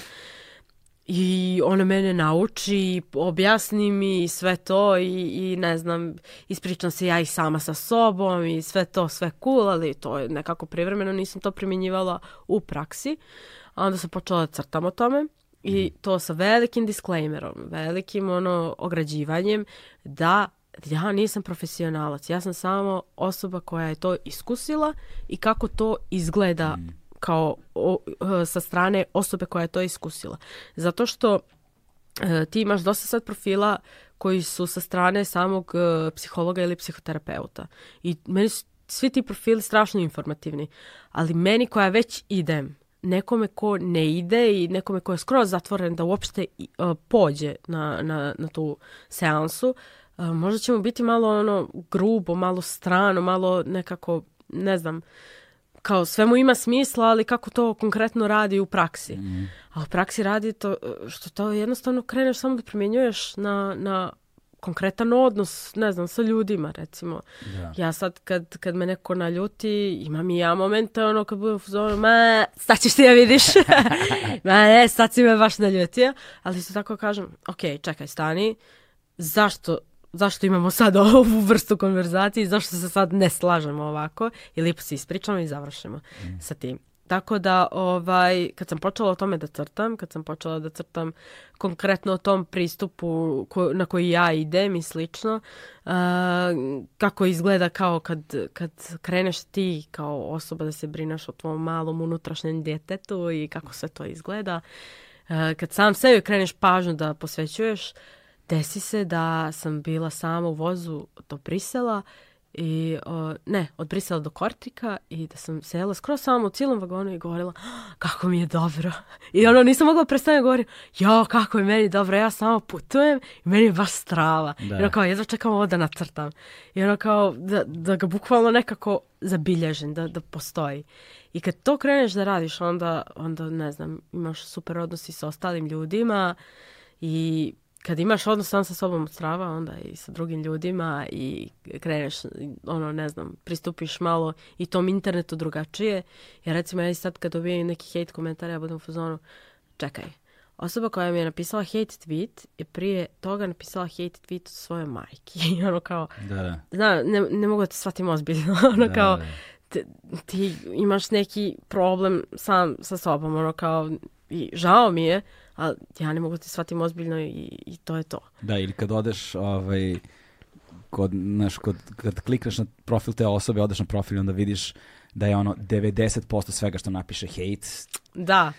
E, pa to, bude ti Znaš jasno. To, ili, na primjer, da je 100% onoga što piše ideološki određeno na ovaj ili onaj način, ili da je, znaš, znaš, u, uglavnom kroz kumulativno veliki broj nečega ti vidiš tendenciju ka nečemu i onda ti je jasno, ok, ova osoba ima širi spektar. Ali ali znaš, tebe kad u jednom trenutku počne da prati ogroman broj ljudi, ne možeš ti sedješ na profil svake te osobe, samo u jednom trenutku prestaneš ja da obraćaš pažnju, da. verovatno. Da. Ja ni ne želim time više da se bavim, ja zbog toga sam i smanjila odlazak na Twitteru, uh, zato što je meni Twitter postao baš toksičan u da, jednom da, momentu, da.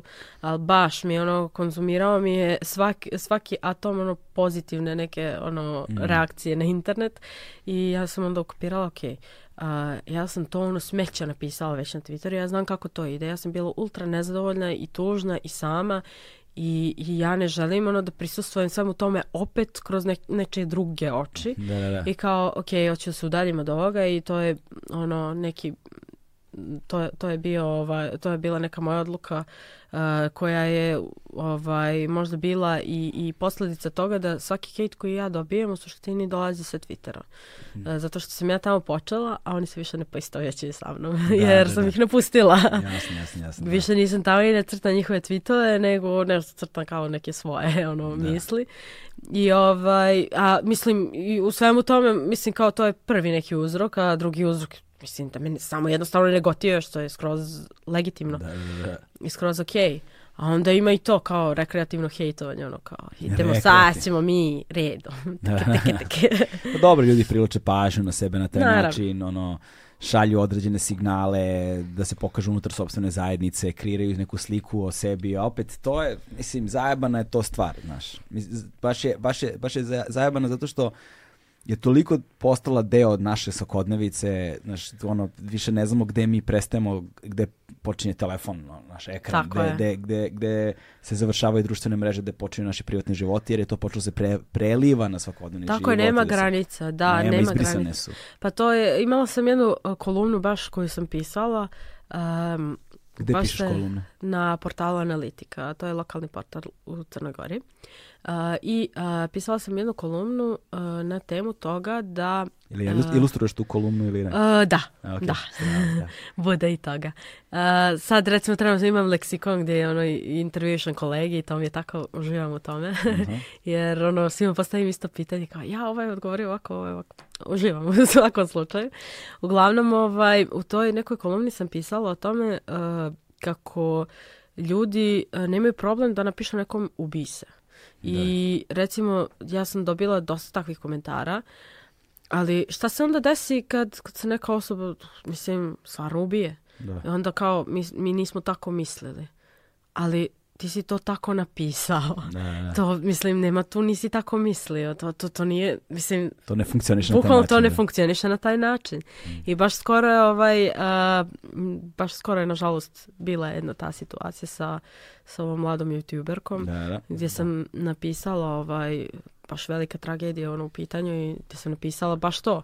Kao, brate, kad, kad napišete nekome to nema posle, nismo tako mislili, mi smo se mhm. šalili. Da. Znači, jedno 50 tweetova ubi se. Stvarno? Odmah. Nikakav problem, nikakav problem nemaju s tim. I uh, meni to bude malo tužno, ono kao da, mislim, društvene mreže uh, moramo sada da, da posmatramo, ok, prelivaju se, ono, dio su na svakodnevnici i to, ali i ti tamo postojiš, i ti mm. postojiš, ali postoji ta druga osoba.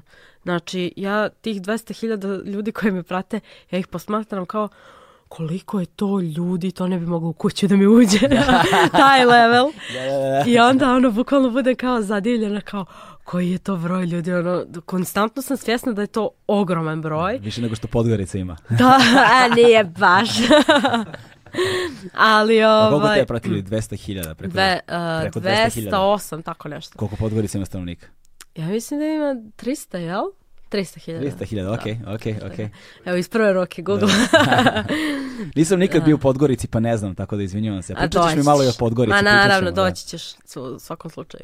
Ovaj, uglavnom, Uh, ja sam konstantno svjesna ko, koliki je to broj ljudi i kako su to sve ljudi na mm. kraju dana. Ono, to... Stari, izvinjavam se, lažem. Bio sam u Podgorici, ali na aerodromu.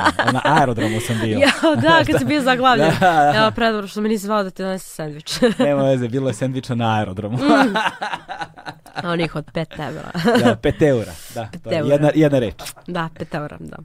Ovaj, u svakom slučaju, uh, meni je, ono, bez obzira što je to internet i što je to ono kao sad nebitno, ono kao to je online, to ne. Da. nije stvaran život, to jeste stvaran život.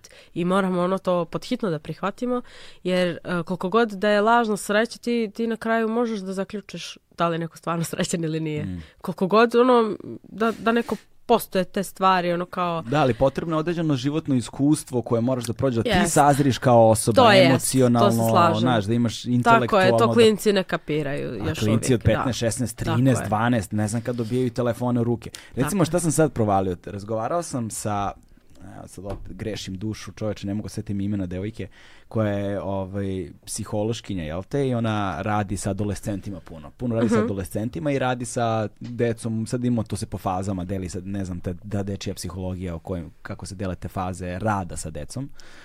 Ovaj, I rekla mi je da, na primer, sada, posljednjih nekoliko godina, ovaj, postoji taj ogroman trend uh, velikog društvenog pritiska na klince kada menjaju sredine. I onda recimo klinac, klinka promeni školu. Mm -hmm.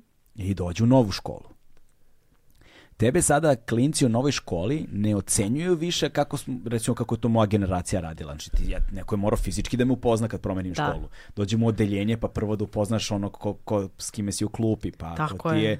pa s, s kime ta osoba gotivna, ti ti prvi prilaze. Pa onda počneš polako da se upoznaš sa drugim iz odeljenja, a onda iz, drug, iz, ono, iz generacije po drugim odeljenjima, pa polako vremenom upoznaš ljude iz škole, prilagođavaš se, adaptira se i šta god.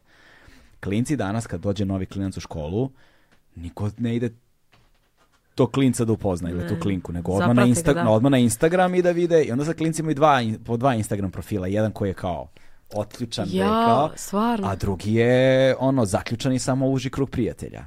Kao svi klinci sad imaju dva Instagram profila. Jedan je kao PR, ko, kad hoćeš da me vidiš ko sam, kao izvoli, ovde ti se prikazujem, a drugi je zaključan, samo za prijatelje. Ovo je skroz novo, da, stvarno. Da, i, ovaj, I šta se dešava, pošto sad, naravno, klinci, ono, hoće da maltretiraju drugi klince. I onda šta rade? To, to mi je psihološkinja ta rekla. Jebote, kako se zove žena, ne mogu setim. Ovaj, rekla mi je da sada roditelji dođu sa detetom uh mhm. -huh.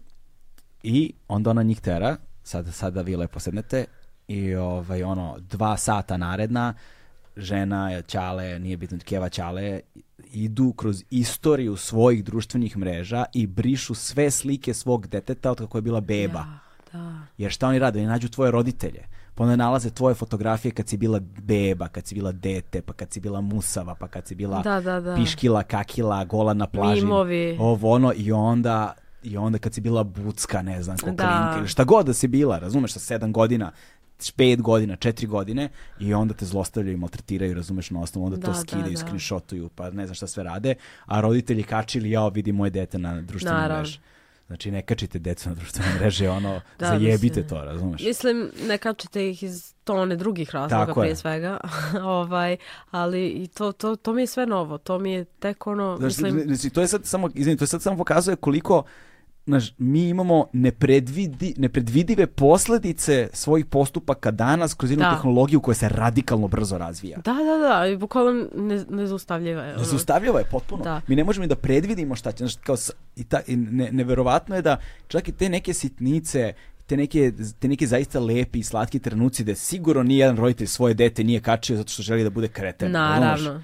nego vole svoje dete, uživaju u tome. Da. Namere su sigurno bile najbolje. Da ali su posledice ono 15 godina kasnije kad dete odraste mogu budu katastrofne. Zamisli ti sad ideš ono unazad 15 godina kroz svoj feed i mora... Ne, Bože. No, Imam tu emo fazu, nemoj.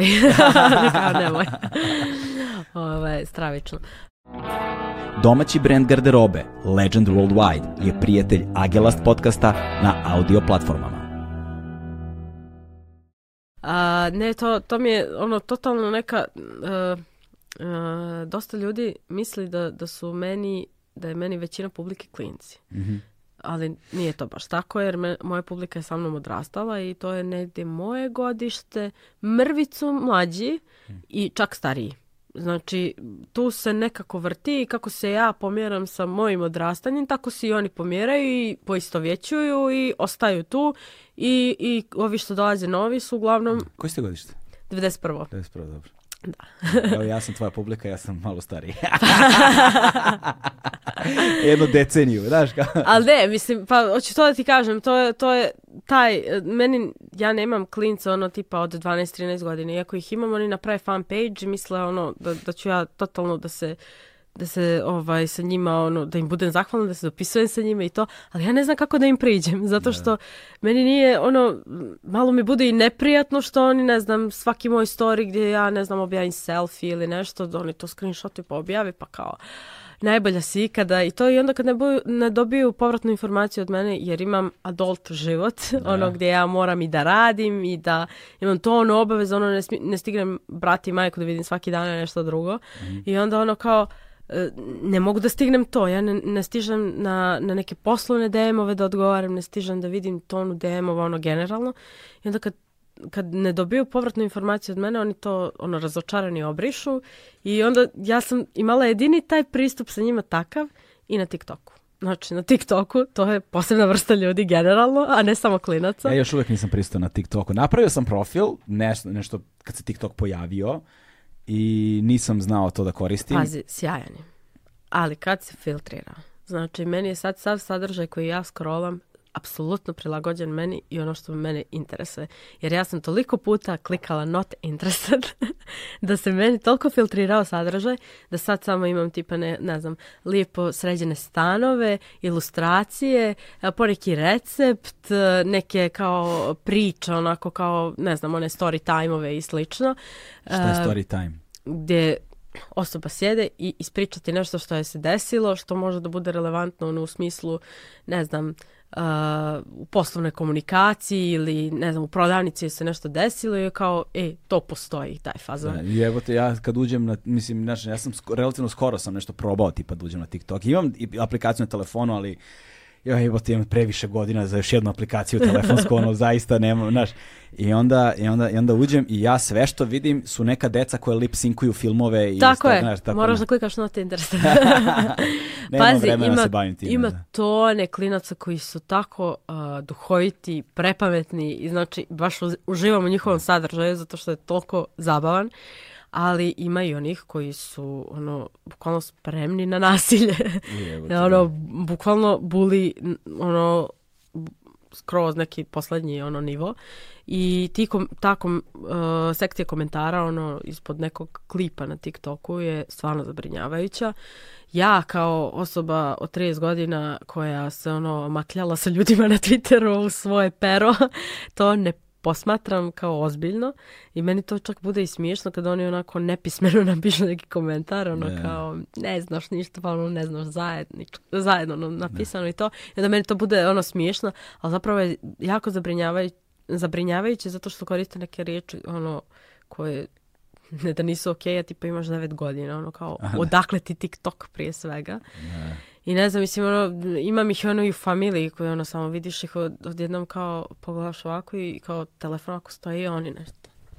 Znaš, da, da imaju da. se kao džuska i ono lip, sinku i da. to što si sad rekao. E, to, to, to sam primetio da, po ulicama. To to neka nova dimenzija. Da, znači sad ono pretvaramo, ne treba na metavers, ono mi ga živimo u stvarnosti da. kao ideš ulicom i samo vidiš prvo ma, po Beogradu je sad postalo simptomatično čoveče, oni idu, tako je nekad izgledalo profesionalno fotografisanje za da. časopise kad, kad sam ja bio klinac. Je, bukvalno. Znači, to je pa bilo... za Instagram isto sad, ono, bukvalno, znači, osoba, ono, ne znam, ne, ima tipa hiljadu followera, ali ne bavi se time pro fotke, samo pro fotke, znači ono, slika mi iz ovog ugla i ono kao, da, ali mi, mislim ja razumijem potrebu za tim, ali kao ja sama sam to u nekom momentu radila mm. i, i ono sad kad to pogledam u fazonu sam, ah, što bih ja rado legla, ono i gledala neku seriju, neću se bavim tim uopšte. Znači sad kad prođeš ono Knez Mihajlovom, ne znam, Kale Megdanom mhm. posebno, mm -hmm. dole na reci 25. maj ovo, ono kad prođeš ili te recimo stariji delovi grada gde kao drmaš, da ti ja znam, tu kad prolaziš sada,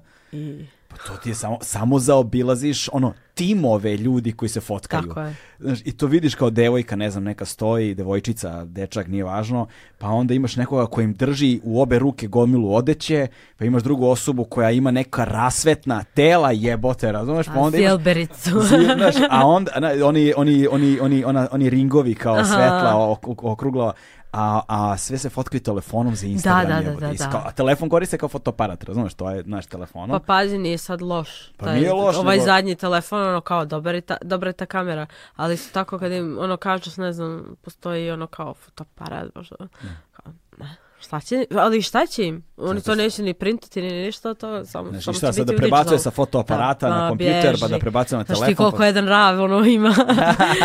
znači, To, to, ne daj Bože, no, to direktno s telefona Tako i onda je. sede, posle to sređuju. Pa to je e. taj problem, ono, generalno i, i sa samim uspjehom i, i sa tim liječenjem i sa svim što smo se takli, ono, da, da. danas to je to što ljudi, ne ljudi, nego i klinci, svi hoće instant. Ono, mm. bukvalno, mislim, to je Instagram, ono, kao, slikaš da. se i postaviš, to je to. I oni misle da, da to tako i, i životu, se, da. da. da, se i radi. Jer recimo, evo, uh, kad je tek počela, ono, Zorana, sećam se, ono, nje, ono, vlogerka i sve to, ja sam od prvog videa znala da ona stvarno, jer ona je stalno govorila u svojim videima da ona mnogo radi i slično, da. i ono, to ono, komentari ti ne radiš ništa Ja, ali ja ono gledam i kao, ova cura mnogo radi, ne, ne. zato što samo da ne montira taj jedan klip, ne. jer sam i ja jednom probala YouTube i obrisala sve, jer no, uh, samo da namontira, da sve to katuje, da, da to nekako liči na nešto, da ima neki kao kontinuitet, da to bude gledljivo uopšte, ona, ona se tu iscima milija, ono, ja mislim da je sigurno 10 sati treba da montira jedan video. Da. I, i onda budem u fazonu, pa ona radi, ono, mislim, Šta god mislim, ne možete, da-, da. Tako je, to, to tebi možda bude, ne, ne mora to tebi da bude značajan posao, ali on stvarno nešto radi, da, tako da. da. Pa da, to je, znaš, ne, šta god misli o tom sadržaju. Tako je. Jer ja sam s druge strane, taj sadržaj, tak, takva vrsta sadržaja do mene dolazila samo pre, posredstvom ljudi koji se sprdaju s time, znaš. Da, da, sam, da Mislim, to su teme koje meni stvarno nisu bliske. Pa nisu ti bliske, tako je. Mislim, ja sam iz, recimo, ti sadržaji ni meni čak nisu bliski, iako sam ja ono e, i cura i volim ovaj, i, i šminku i sve to. E, nisu ni meni ti sadržaj bliski, zato što da. ja ne mogu sa tom osobom da se poistovjetim, jer ja, jednostavno smo totalno diametralno drugačije, ne. Da. ali ja sam onako nekako, mislim, ja sam upadala u te zamke, ono kao tog rekreativnog hejta i sprdanja sa takvim sadržajem, ali samo sam ukapirala ono kao, brate, ima mjesta i za tebe i, na me, i za mene na ovom internetu, da. kad ima i za one ne znam, katastrofalne ljude na ovom internetu mjesta ima i za tebe, ono, totalno si bezazlena sa tom da. šminkom i plus, sviđa mi se taj korektor, idem da ga kupim, ono kao, tako da, ovaj, ne bih, ne bih ja diskreditovala ni to što oni rade, da, da. ovaj, ima tu dosta ono sadržaja koji jednostavno samo nije za nas, mm. ne samo u, u, modi, šminci ili ne znam šta, lifestyle-u, šta mm. ima sad pa da. guru, coach, ne znam ni ja, to jednostavno samo nije za mene. Ko mene NLP ne radi, ja ne mogu sada da kažem kao, e, to je sranje. Ono, kao, to da, ništa da, da. ne valja. Da. To je jednostavno, ja, meni to ne radi. Evo te, aj, taj NLP čoveče, koliko godina slušamo o tom NLP-u, jedno 20 godina slušamo o tom NLP-u, bukvalno ljudi, znam ljude, ono, akademije NLP. Kuno da, da, da. ja i dalje nisam skapirao Kako je to? Kako ne, ne, zna, nije iskreno. Bukvalno jedino samo, mi je bilo mislim... zabavno, izvin, jedino mi je bilo zabavno, gledao sam ovog, kako se zove, ovog iluzionistu Derena Brauna. Uh mhm. -huh. On ima te strava, neke live show, da taj live show to kao oni kao zapravo, kako se, kako se zovu ti? Mentalist, jel se tako Aha. zovu? Oni kao mađioničar, ali tipa ono, pogađa ti misli, pred, predviđa stvari, predviđa tvoje ponašanje, predviđa, znaš, ono, na masi od, ne znam, hiljadu ljudi šta će da zamisle za sat vremena. Da. Ne, znaš, tako, ne znam, ono, imate neke live nastupe koji su stvarno fascinantni i on je dosta zabavan, ima neke dokumentarne serijale gde, kao igra se sa psihologijom ljudi, znaš, kao da, da li mogu tebe da nateram da izvršiš ubistvo. Da, da, I, da, I da. onda imaš kao sa, sa tipa ono dokumentarnu epizodu gde pokazuje kako se manipulacijom ljudske psihe dolazi do otle. Znaš, opet, i onda je on pominjao neke elemente nlp e koji su meni bili zabavni, u tom mađioničarskom kontekstu to je otprilike gde se meni počinje, gde meni počinje završava se sve. Pa ja sam ono, mislim, meni je sad sadržaj na internetu onako generalno, bukvalno ja ne znam odakle to meni više ne izlazi, ono, bukvalno sa svih strana, NLP, NLP, to i, uh, kako se zove, kriptovaluta sa sličicama? A, NFT. NFT. NFT kriptovaluta. Eto, te dvije skraćenice, znači ja sam izluđala to to. E, tamo sam teo da te pitam ono, pošto kaže kriptovalute e, sa sličicom. E, nemoj me pitaš, ja sam slušla, slušala tvoju epizodu i ja ništa nisam skontala. I ne želim tim da se bavim, znači vraćam se u botik kraj. To, to, Neću to, crtam ako mi je to... A znaš zašto je fascinantno? Zato što ovaj, kada, si, kada smo pričali, kada si mi rekla da ti zapravo već koliko godina svaki dan crtaš, svaki dan objavljuješ. Pa evo šest godina, ono, šest baš godina. kontinualno svaki, svaki dan. dan da, znaš, svaki dan. Ovaj, ovaj, a, a, Beeple je najpoznatiji NFT umetnik. Mm -hmm. ovaj, I najuspešniji NFT umetnik. I zapravo NFT je probio u mainstream zahvaljujući njemu. On mm -hmm. je mhm. taj, on je ono, ukoliko bi moralo da nađeš ono Origins, jebi ga, Origin priču, a, kako je NFT dospe u mainstream. Dakle, da. ne kako je NFT nastao i šta la, la, i ti protokoli i tako dalje, nego kako je NFT probio u mainstream da ono tvoja baba zna za, main, za NFT. Da. Razumeš, to je taj lik. Ne znaju njegovo ime, ali on je bio taj, jer on je svoj, ra, svoj rad koji se zove 5000 Days, Uh-huh. A, ovaj, prodao za 69 miliona. Da, da, da, to čuo je, sam tu priču. To je probilo da. javnost. Da. Ali zapravo to je 5000 days, to ti je 5000 dana Ah. A. 5000 dana radova i on svaki dan objavljuje novo umetničko delo, kao nov, novi, on svaki dan da, da. objavljuje, da. ja ga pratim na društvenim mrežama i on stvarno svaki dan objavljuje. Da. I sve je to free. Razumeš? I on, na primjer, nešto, ne znam koliko godina on unazad, lupetan sa 20 godina unazad, 17 godina unazad, tako nešto, a on je sebi svesno rekao, kao i ti, on je svesno rekao sebi, ja ću da objavim jedno umetničko delo svaki dan do kraja svog života. Pa to, ono... Ali do kraja svog mora... života, on je rešio do kraja života to i on to, to stvarno radi. Ne mora da bude nužno dobro. On je zaradio samo na tom jednom 69 miliona. Bio je, ne, ne, slušao sam ga u nekim podcastima, on je napravio, ne znam, ono, revenue stream, jel to on je imao zaradu u jednoj godini obrnuo preko 100 miliona na drugim stvarima. Da. On je čovjek radio ogromne kampanje, ono, ne znam, Diora, mm -hmm.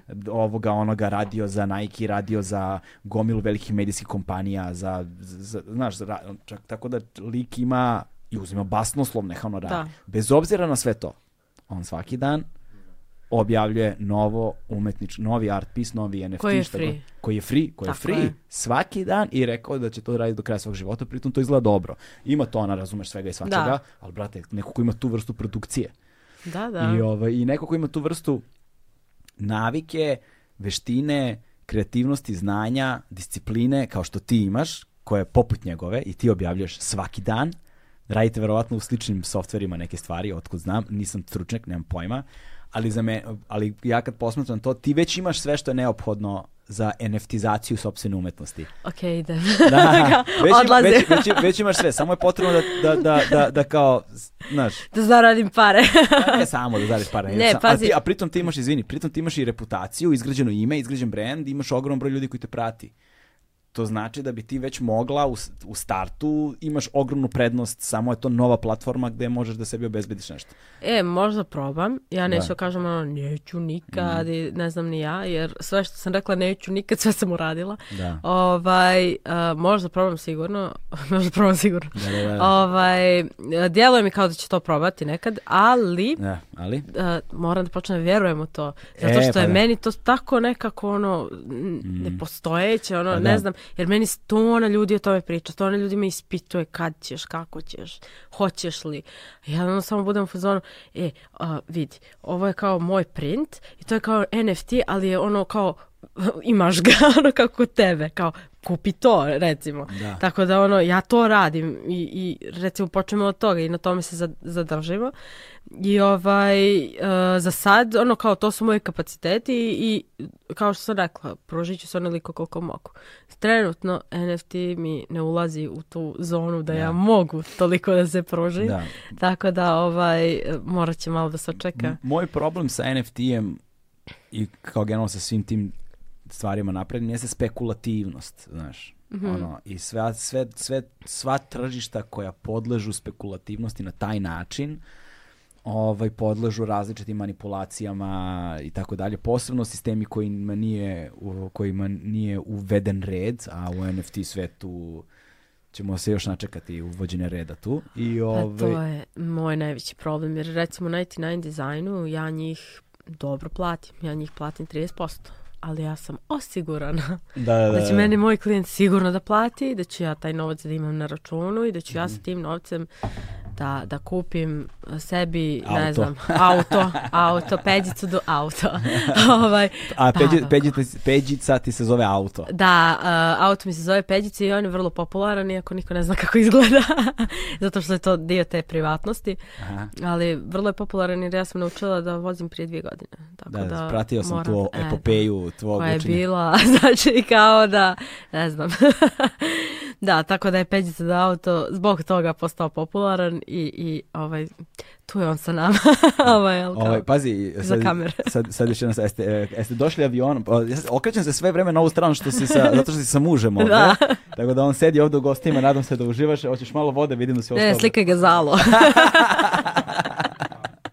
ovaj, E, mislim, imamo i rakija ako hoćeš, imamo alkohola tamo, znaš, može neko pivce i to, znaš, slobodno. Postao je on straight edge. Sad je on straight edge, ok, evo te, svi ste straight edge. Konaš, ja sam bio straight edge 12 godina, od rođenja do šestog razreda. to je taj pozor. Ovaj, uh, po, s, obzirom da, da, da je naš podcast postao kao negde regionalni fenomen, ovaj, ti si nam prva zapravo gošća, kao gošća, gošća baš koja je došla iz Crne Gore, znaš, da. kao, pošto mislim bio nam je, ne znam, Rambo, on je Crnogorac, ali on ipak živi i stvara ovde u Beogradu ve, koliko godina unazad. Ovaj, radi on i leti, mislim, drži, ima on brod, barku dole, neku katamaran, šta li već ima, jedrilicu neku, e, drži, kurs jedrenja, da. kurs jedrenja drži dole preko leta, bude dole tri meseca da. svakog leta, znaš šta ti ja znam.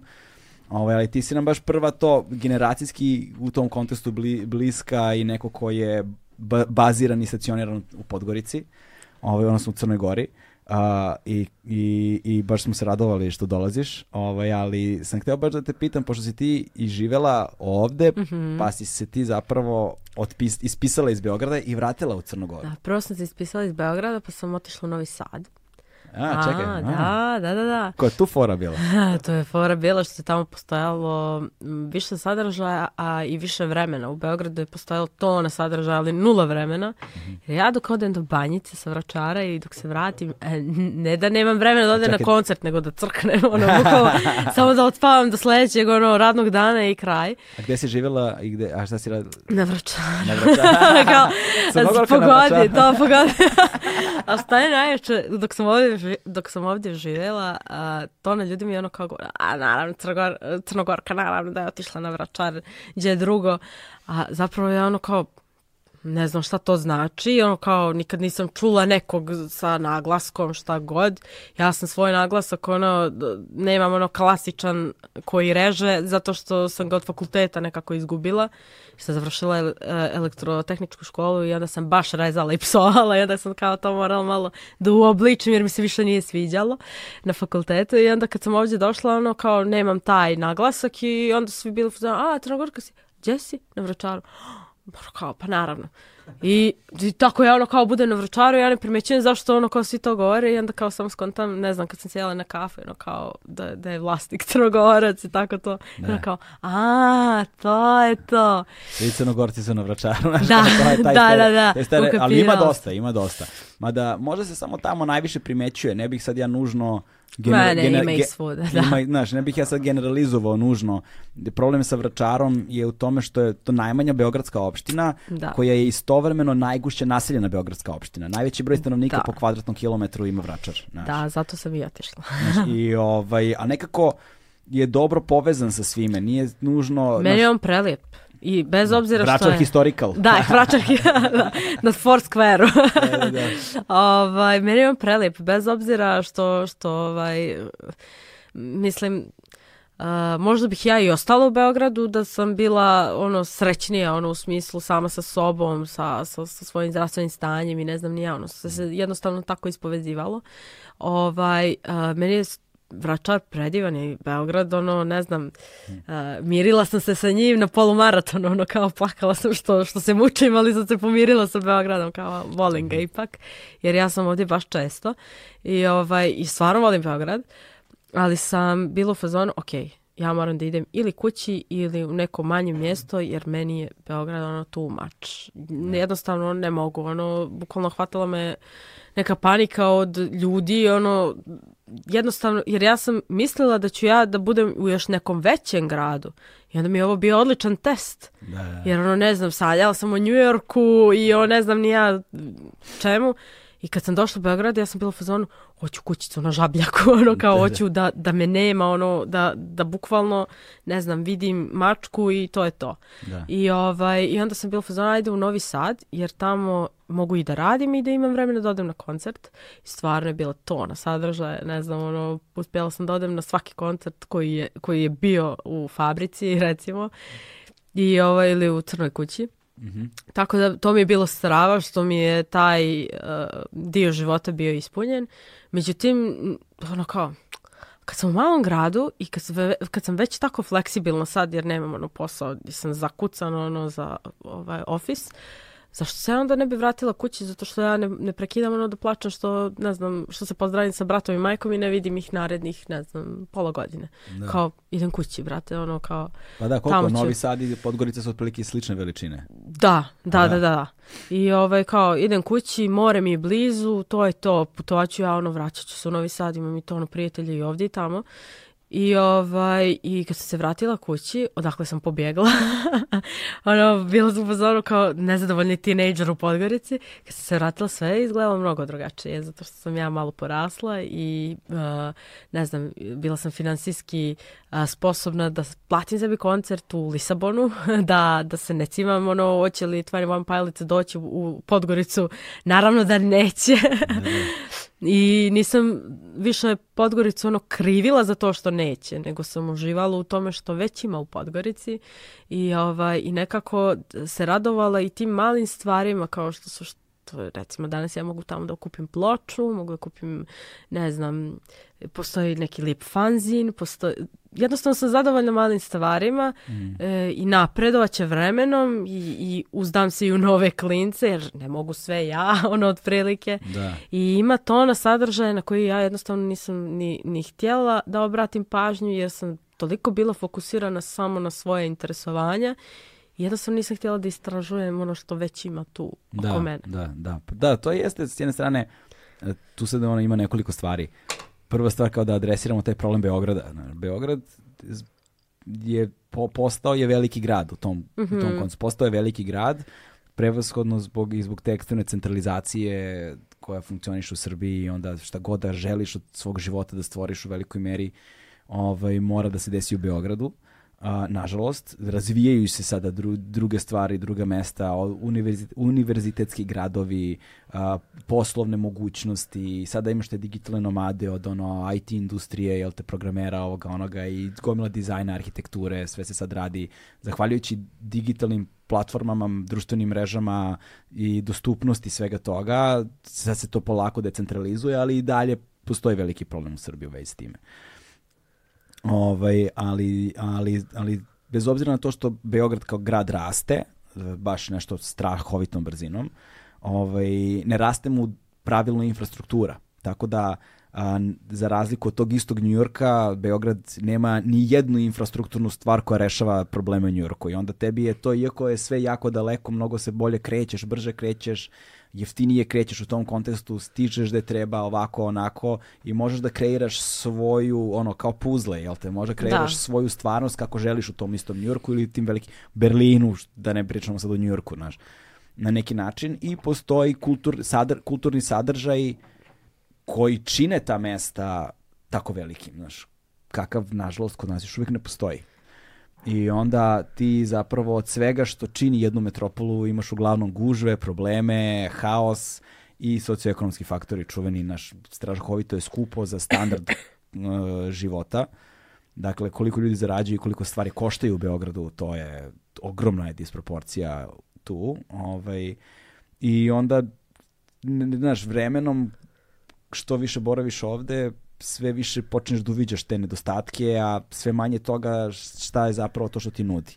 Mada mnogi ljudi se opet sad ne, ne slažu sa mnom i kažu mi da ta slik, moja slika Beograda takva da što sam ovde.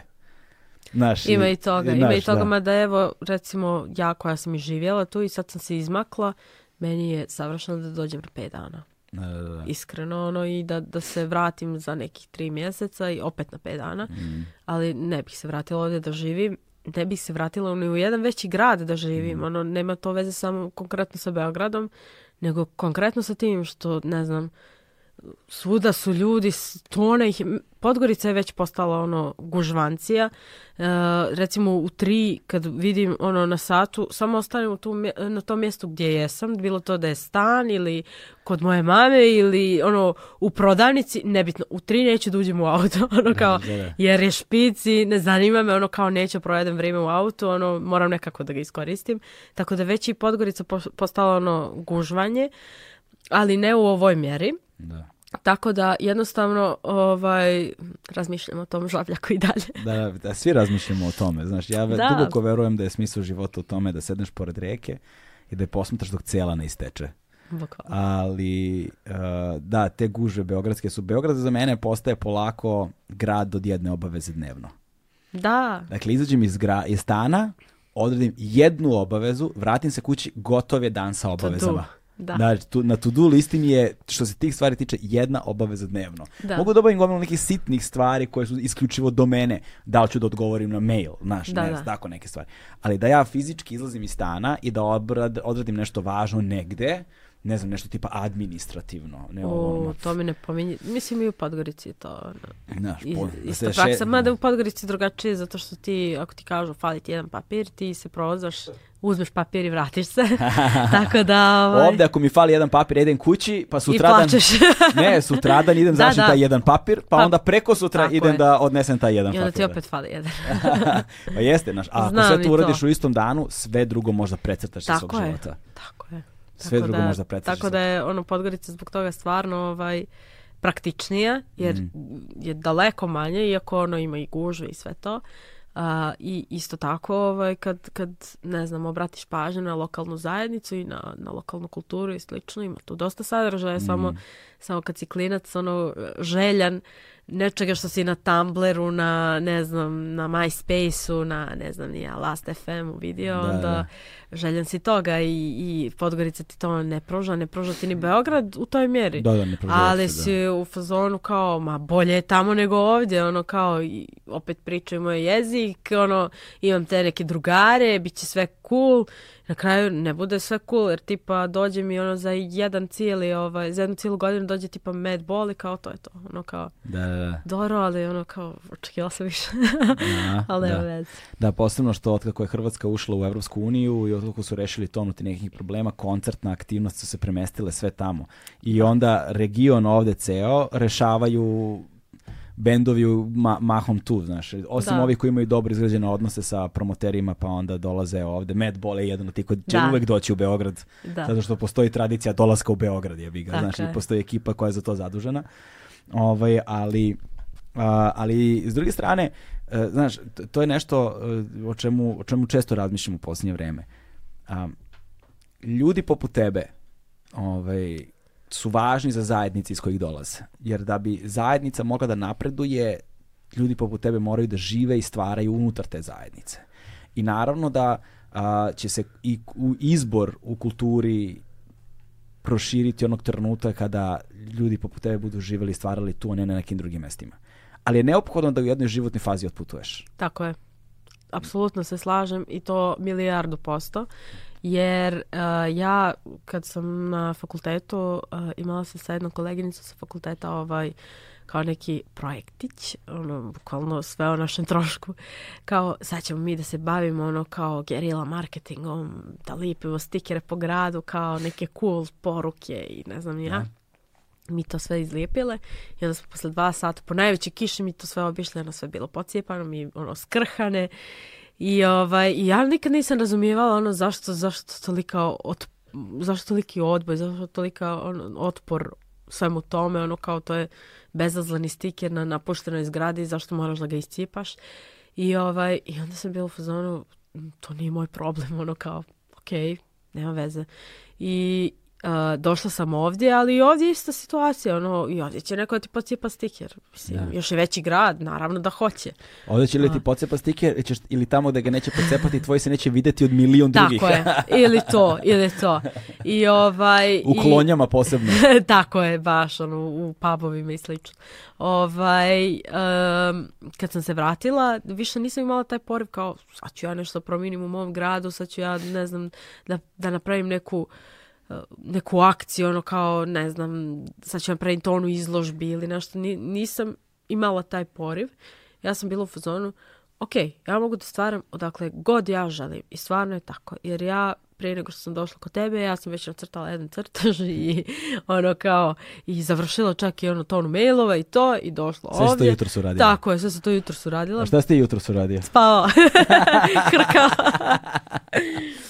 A još ima za, zapušen nos. E, samo što me, što me iritira, nije korona, moram da, da, da kažem. Da, da, Sada, ako se zakašeš u javnosti, najebo si. Pa to, moram da kažem da sam se testirala odmah.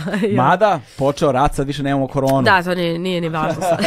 Ste provalili to, bukvalno, znači, nevero, neverovatno. I sad, mislim da sad, vidio sam na, naslove danas da, tipa, Nemačka i ne znam koliko zemalja ukidaju sve mere. Pa to sam čuo da će da Francuska, Nemačka, pa da, sad će da ukidaju sve mere, ukidaju i ove... Uh, PCR, pa onda ove, uh, kako se zovu, zelen, kako, ne, kako se COVID pasoš. COVID, pa, COVID, da. pa, COVID, ne COVID pasoš, nego COVID propusnice. Po, propusnice, da. COVID da. propusnice, sve, sve se sad ukida, znaš, to će da bude. Sad kraj marta čini mi se tako nešto. E pa super. Znači, gotova Neka sam ja pukla pare na test. Nema veze. Meni je bitno da nisam neodgovorna za druge, samo za sebe. Pa to, jasno, jasno, jasno. jasno. Ovaj, Ma ne, uh, e, nekako, da se vratim na ono jasne, prije. Jasne, da. Uh, nekako nemam taj poriv više da, da se ja nešto sad uh, borim sa vetrenjačama. To je mm. nešto živjelo u meni dok sam bila klinka. Sad sam više u fazonu, ok, ja sam svjesna da bukvalno mogu da radim sa mjeseca. Jer, evo, recimo, moja majka, ona žena radi u trafici, njoj je mnogo dosadno tamo, zato što on samo prodaje i to, i to je to, ono kao, nema nekog sadržaja na njenom poslu. I ona provede tu dosta vremena.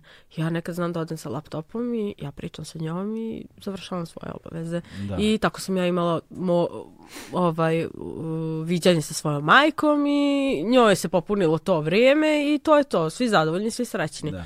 I ja sam vrlo svesna kako moj posao sad funkcioniše, da mogu da ga radim, ono, bukvalno, ne znam, sklupčana tu u ćošku i nemam problem s tim. I onda sam u okay, ko bude zainteresovan u ovoj Crnoj Gori mojoj lijepoj, koju stvarno volim, ja ću da radim sa njim mm. šta god da treba, ali ko ne bude, ono, neću prva da se cima. Jer ranije sam se prva cimala i nisam naišla na neki ono cool odgovor, što je neđe i normalno, jer kad, ne znam, mislim, ja razumijem, to ću da kažem, nije možda normalno, nego ga razumijem. Da, da. Ovaj, jer uvijek si odbijen baš u svojoj zajednici. Baš ono, najmanje ljudi iz Podgorice i Crne Gore prati na da. kraju mm. dana. Ali i ti, ti koji me prate, ono, ja sa njima imam strava, ono, i odnosi i, i kontakt i a, moji klijenti iz Crne Gore su odlični. Recimo, evo sad radimo tu bojanku. A, m, Adriana me, sa kojom radim 10 godina, ono zvala da, da crtamo bojanku i ona je, mislim, to je njena ideja i, i želja.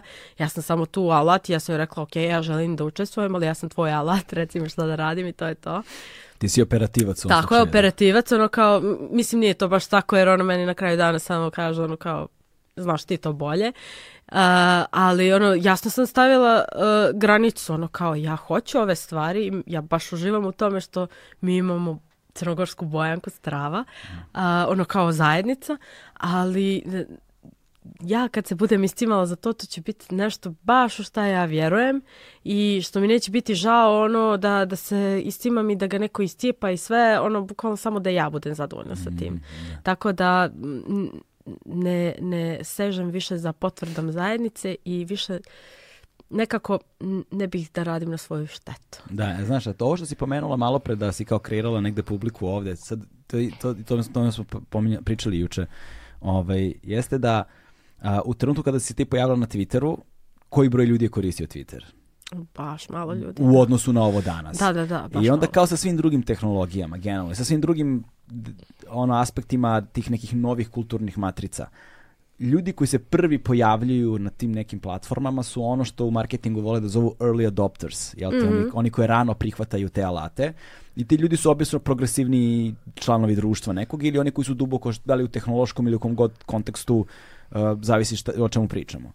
I, ovaj, I onda to je već jedan, jedna niša, a onda ono što ti radiš je jedan kao aspekt te kulturne matrice koji je još, još više sužava nišu i to kod zahteva još nešto progresivniju publiku koja može to da razume. I onda je prirodno bilo da naravno si skreirala jedan vrlo uzak krug ljudi oko sebe. Ja se sećam kada sam te ja prvi put primetio, kažem ti na društvenim mrežama, to je bilo kroz vrlo specifičan krug ljudi. Bukvalno kao da si ono gađala, znaš, ono, ovi beogradski hipsteri, kao, znaš, i samo su oni šerovali, znaš, šalim se, ne baš tako. Ali naravno, ako ti je to bila kor publika koja je prva, koja je prva ali to ovaj, nije počela tada da bila, Ali to mi tada nije bila publika, to su bili drugari. Pa drugari, pa e, tako to, je, da. To, jer da. kao, ja sa njima sve družila, dopisivala i ne znam ni ja. Da. I onda kao, prvo ću njih da nacrtam, naravno. I onda, ovaj, samo si, kako su oni šerovali, tako da. je, i samo se to samo se razlilo, bukvalno.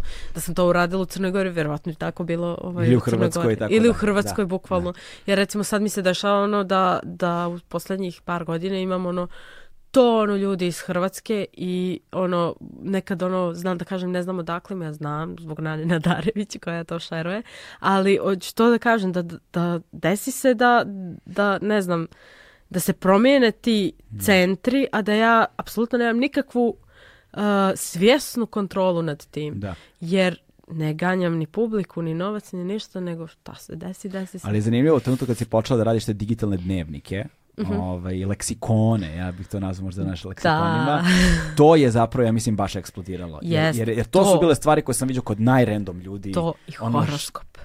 Ono š... Eho, je, da, ja to baš ne pratim. E, znaš da. šta je bilo? Pa ne pratim ni ja.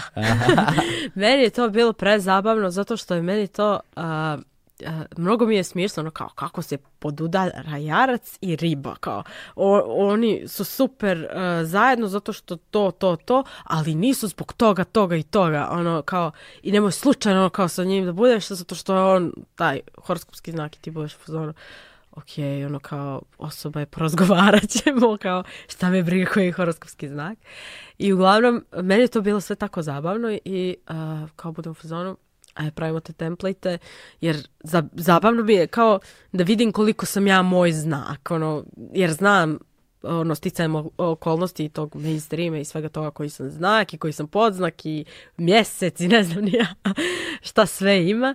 I, ovaj, I ja sam viđala to na engleskom i kao, isto, isto stvar kao sa tweetovima, kao, niko neće napravi ono kao za nas. Yeah. I onda sam se ja malo i posprdala. Jer sam ja bukvalno tu neke stvari napisala ono kao kako sam ja mislila da treba. Izmislila. Koja apsolutno nemam veze sa tim. I onda sam to ono, ono, backlasha dobila kao fazonu brate, šta je ovo, ne, nije tačno, kao ovo uopšte nije lav, ono kao, ja sam ispala djevica, a ja sam vaga, i bukvalno ono, ljud, bilo je ljudi koji su baš uh, ljuti. ljuti. da, što je meni, ono, na kraju dana bilo kao prezabavno, jer ja sam se stvarno samo zabavljala, jer, ono, mislim, kreće korona, i ovaj, ja ono, osuđena sam na moj tablet i Netflix i, i Procreate i to je to. I onda ja nisam stvarala samo za postove, nego i za storije mm. i između ostalog su bili to ti templeti. A koliko je tvoj ljubimac sličan kao ti? Pa onda ti tu nešto popuniš. Bora, da... tu gađaš ono jo, bukvalno. znači, a znaš znači, što je znači, najjače? centar ovako. Što je najjače? Ja to ispopunjavam i to je meni strava conversation starter sa nekim drugim, ono, iz, Aha. recimo, ne znam, e, sa simpatijom, sa, bukvalno, kapiraš, ono, sa, ne. Da. sa, ne znam, nekim drugarima i slično. Mm. Uh, to je meni strava, ono, bilo za mene.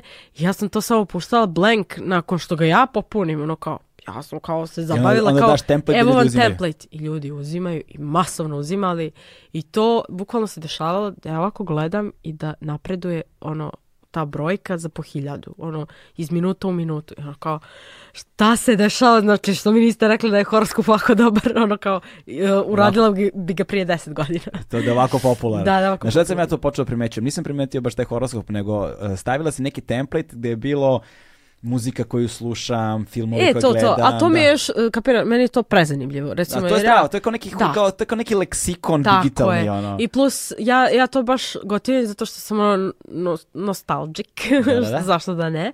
I, ovaj, I plus, i sama ono, imam tonu sveski i mm. vezano i za to i, i non stop nešto pišem, crtam, bojem, nebitno, e, nevezano konkretno ono za ilustraciju, da. nego tipa ja i dan danas bojam ono kakvog sam raspoloženja svaki dan, pa onda kad se završi kao imam neku color paletu, da. ja budem presreća kao kako je to fino, iako je tipa bilo tone dana kad sam bila i neraspoložena i sve to, nego meni kao strava što sam ja to završila. Da. I, I čak sam i te template ljudima davala, ali se na kraju dana kad sam sve to ono šerovala, to one ljudi dođe i kaže kao, što ti ovo ne prodaješ? Rekao, ok, imaš ga besplatno, isprintaj ga i ono kao zalipi ga u svoje svesko i bojaj.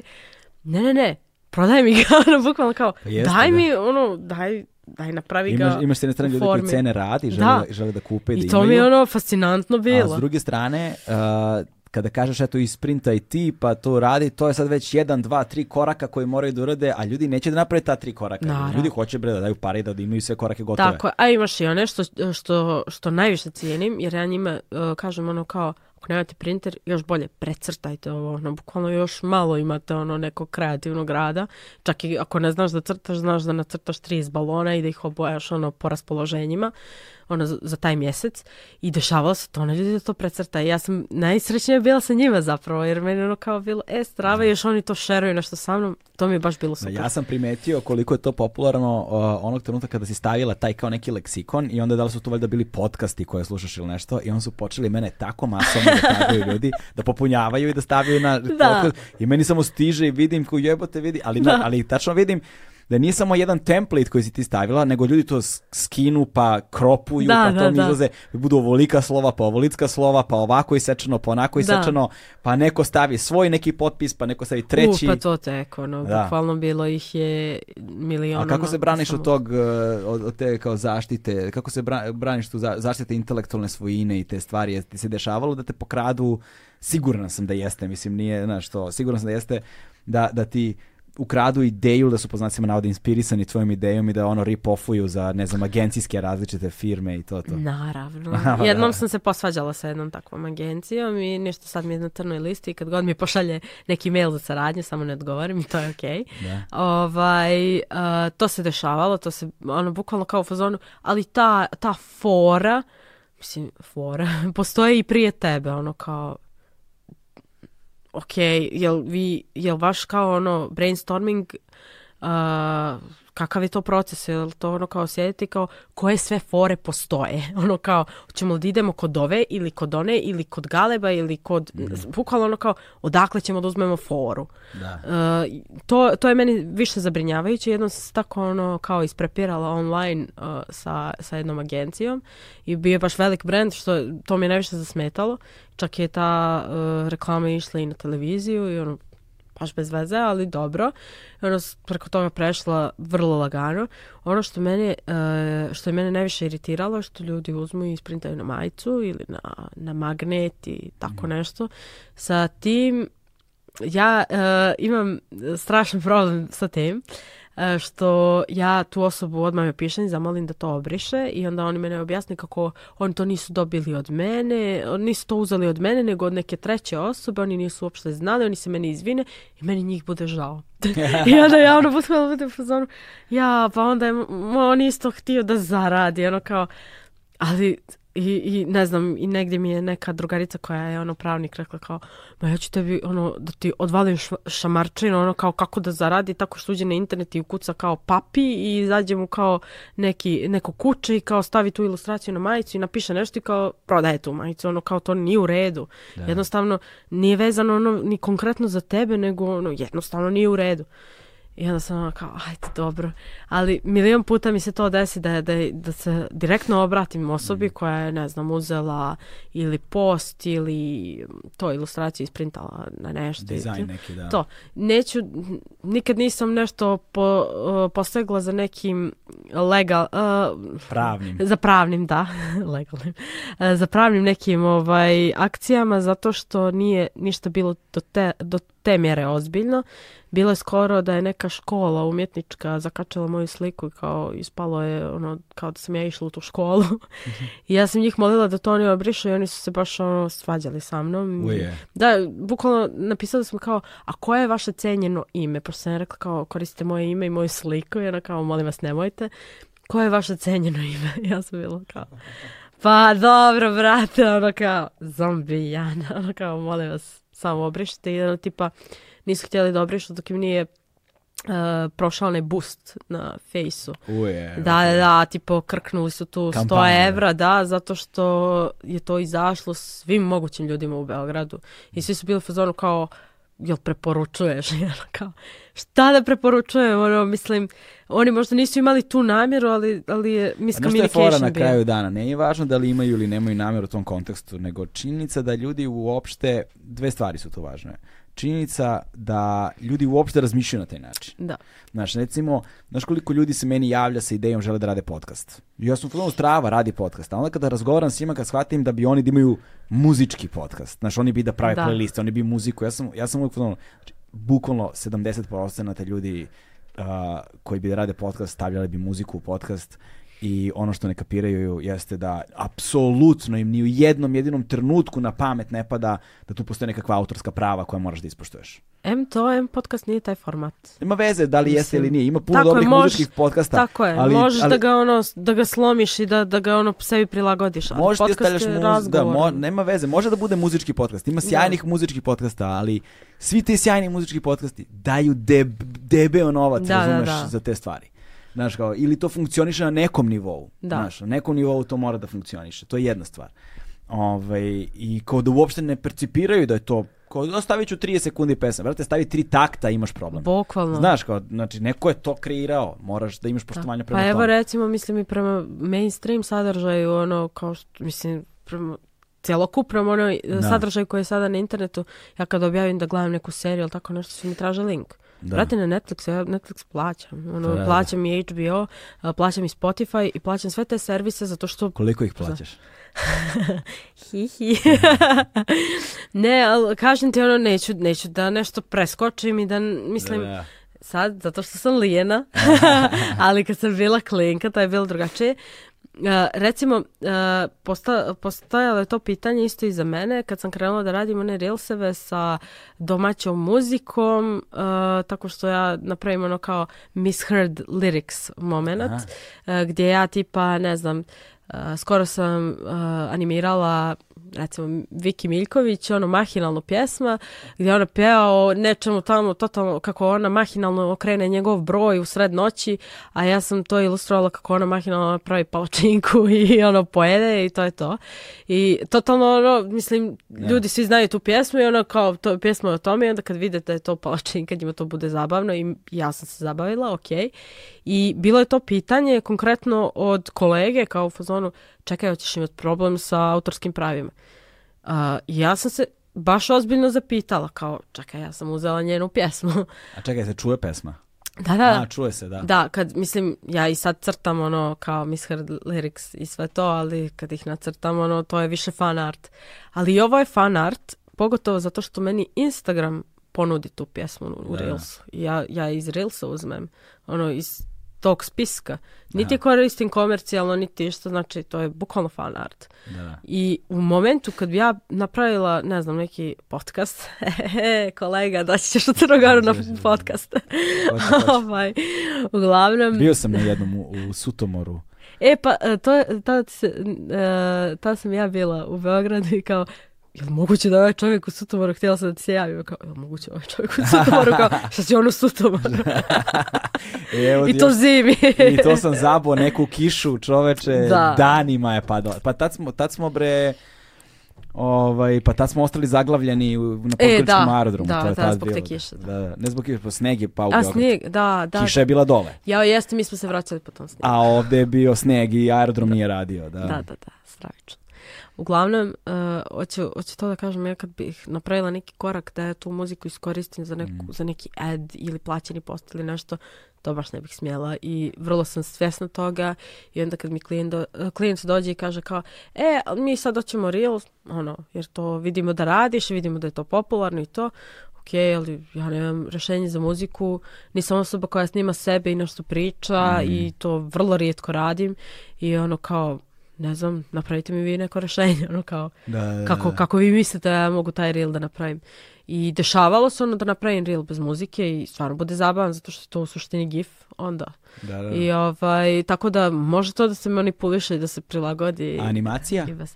Pa animaciju sad to radim, ali ja, je, ja sam se tek sad za, zainteresala za tu animaciju koja je jako presmišna, ali svaki mogući ovaj, pokret crtam mm. i onda mi je sad to zabavno jer na fakultetu je to bio, ne znam, uh, Adobov program, ono, i mnogo je bilo ozbiljno, preopširno i, i, i jednostavno Smaralo mi se nije te. dalo, da, mm. nije mi se dalo toliko vremena da potrošim jer smatram da postoje ljudi koji su animatori, koji su brutalni i pritom i ilustratori i kidaju, strava, super, Ja sam, brate, ono, ilustrator koji potroši na svoju ilustraciju maksimum sat vremena i ako mogu da je animiran za još sat vremena, strava, ono, napravit ću neki pokret rukom da bude smješnije i ono zabavnije, ono, fizički, to je to.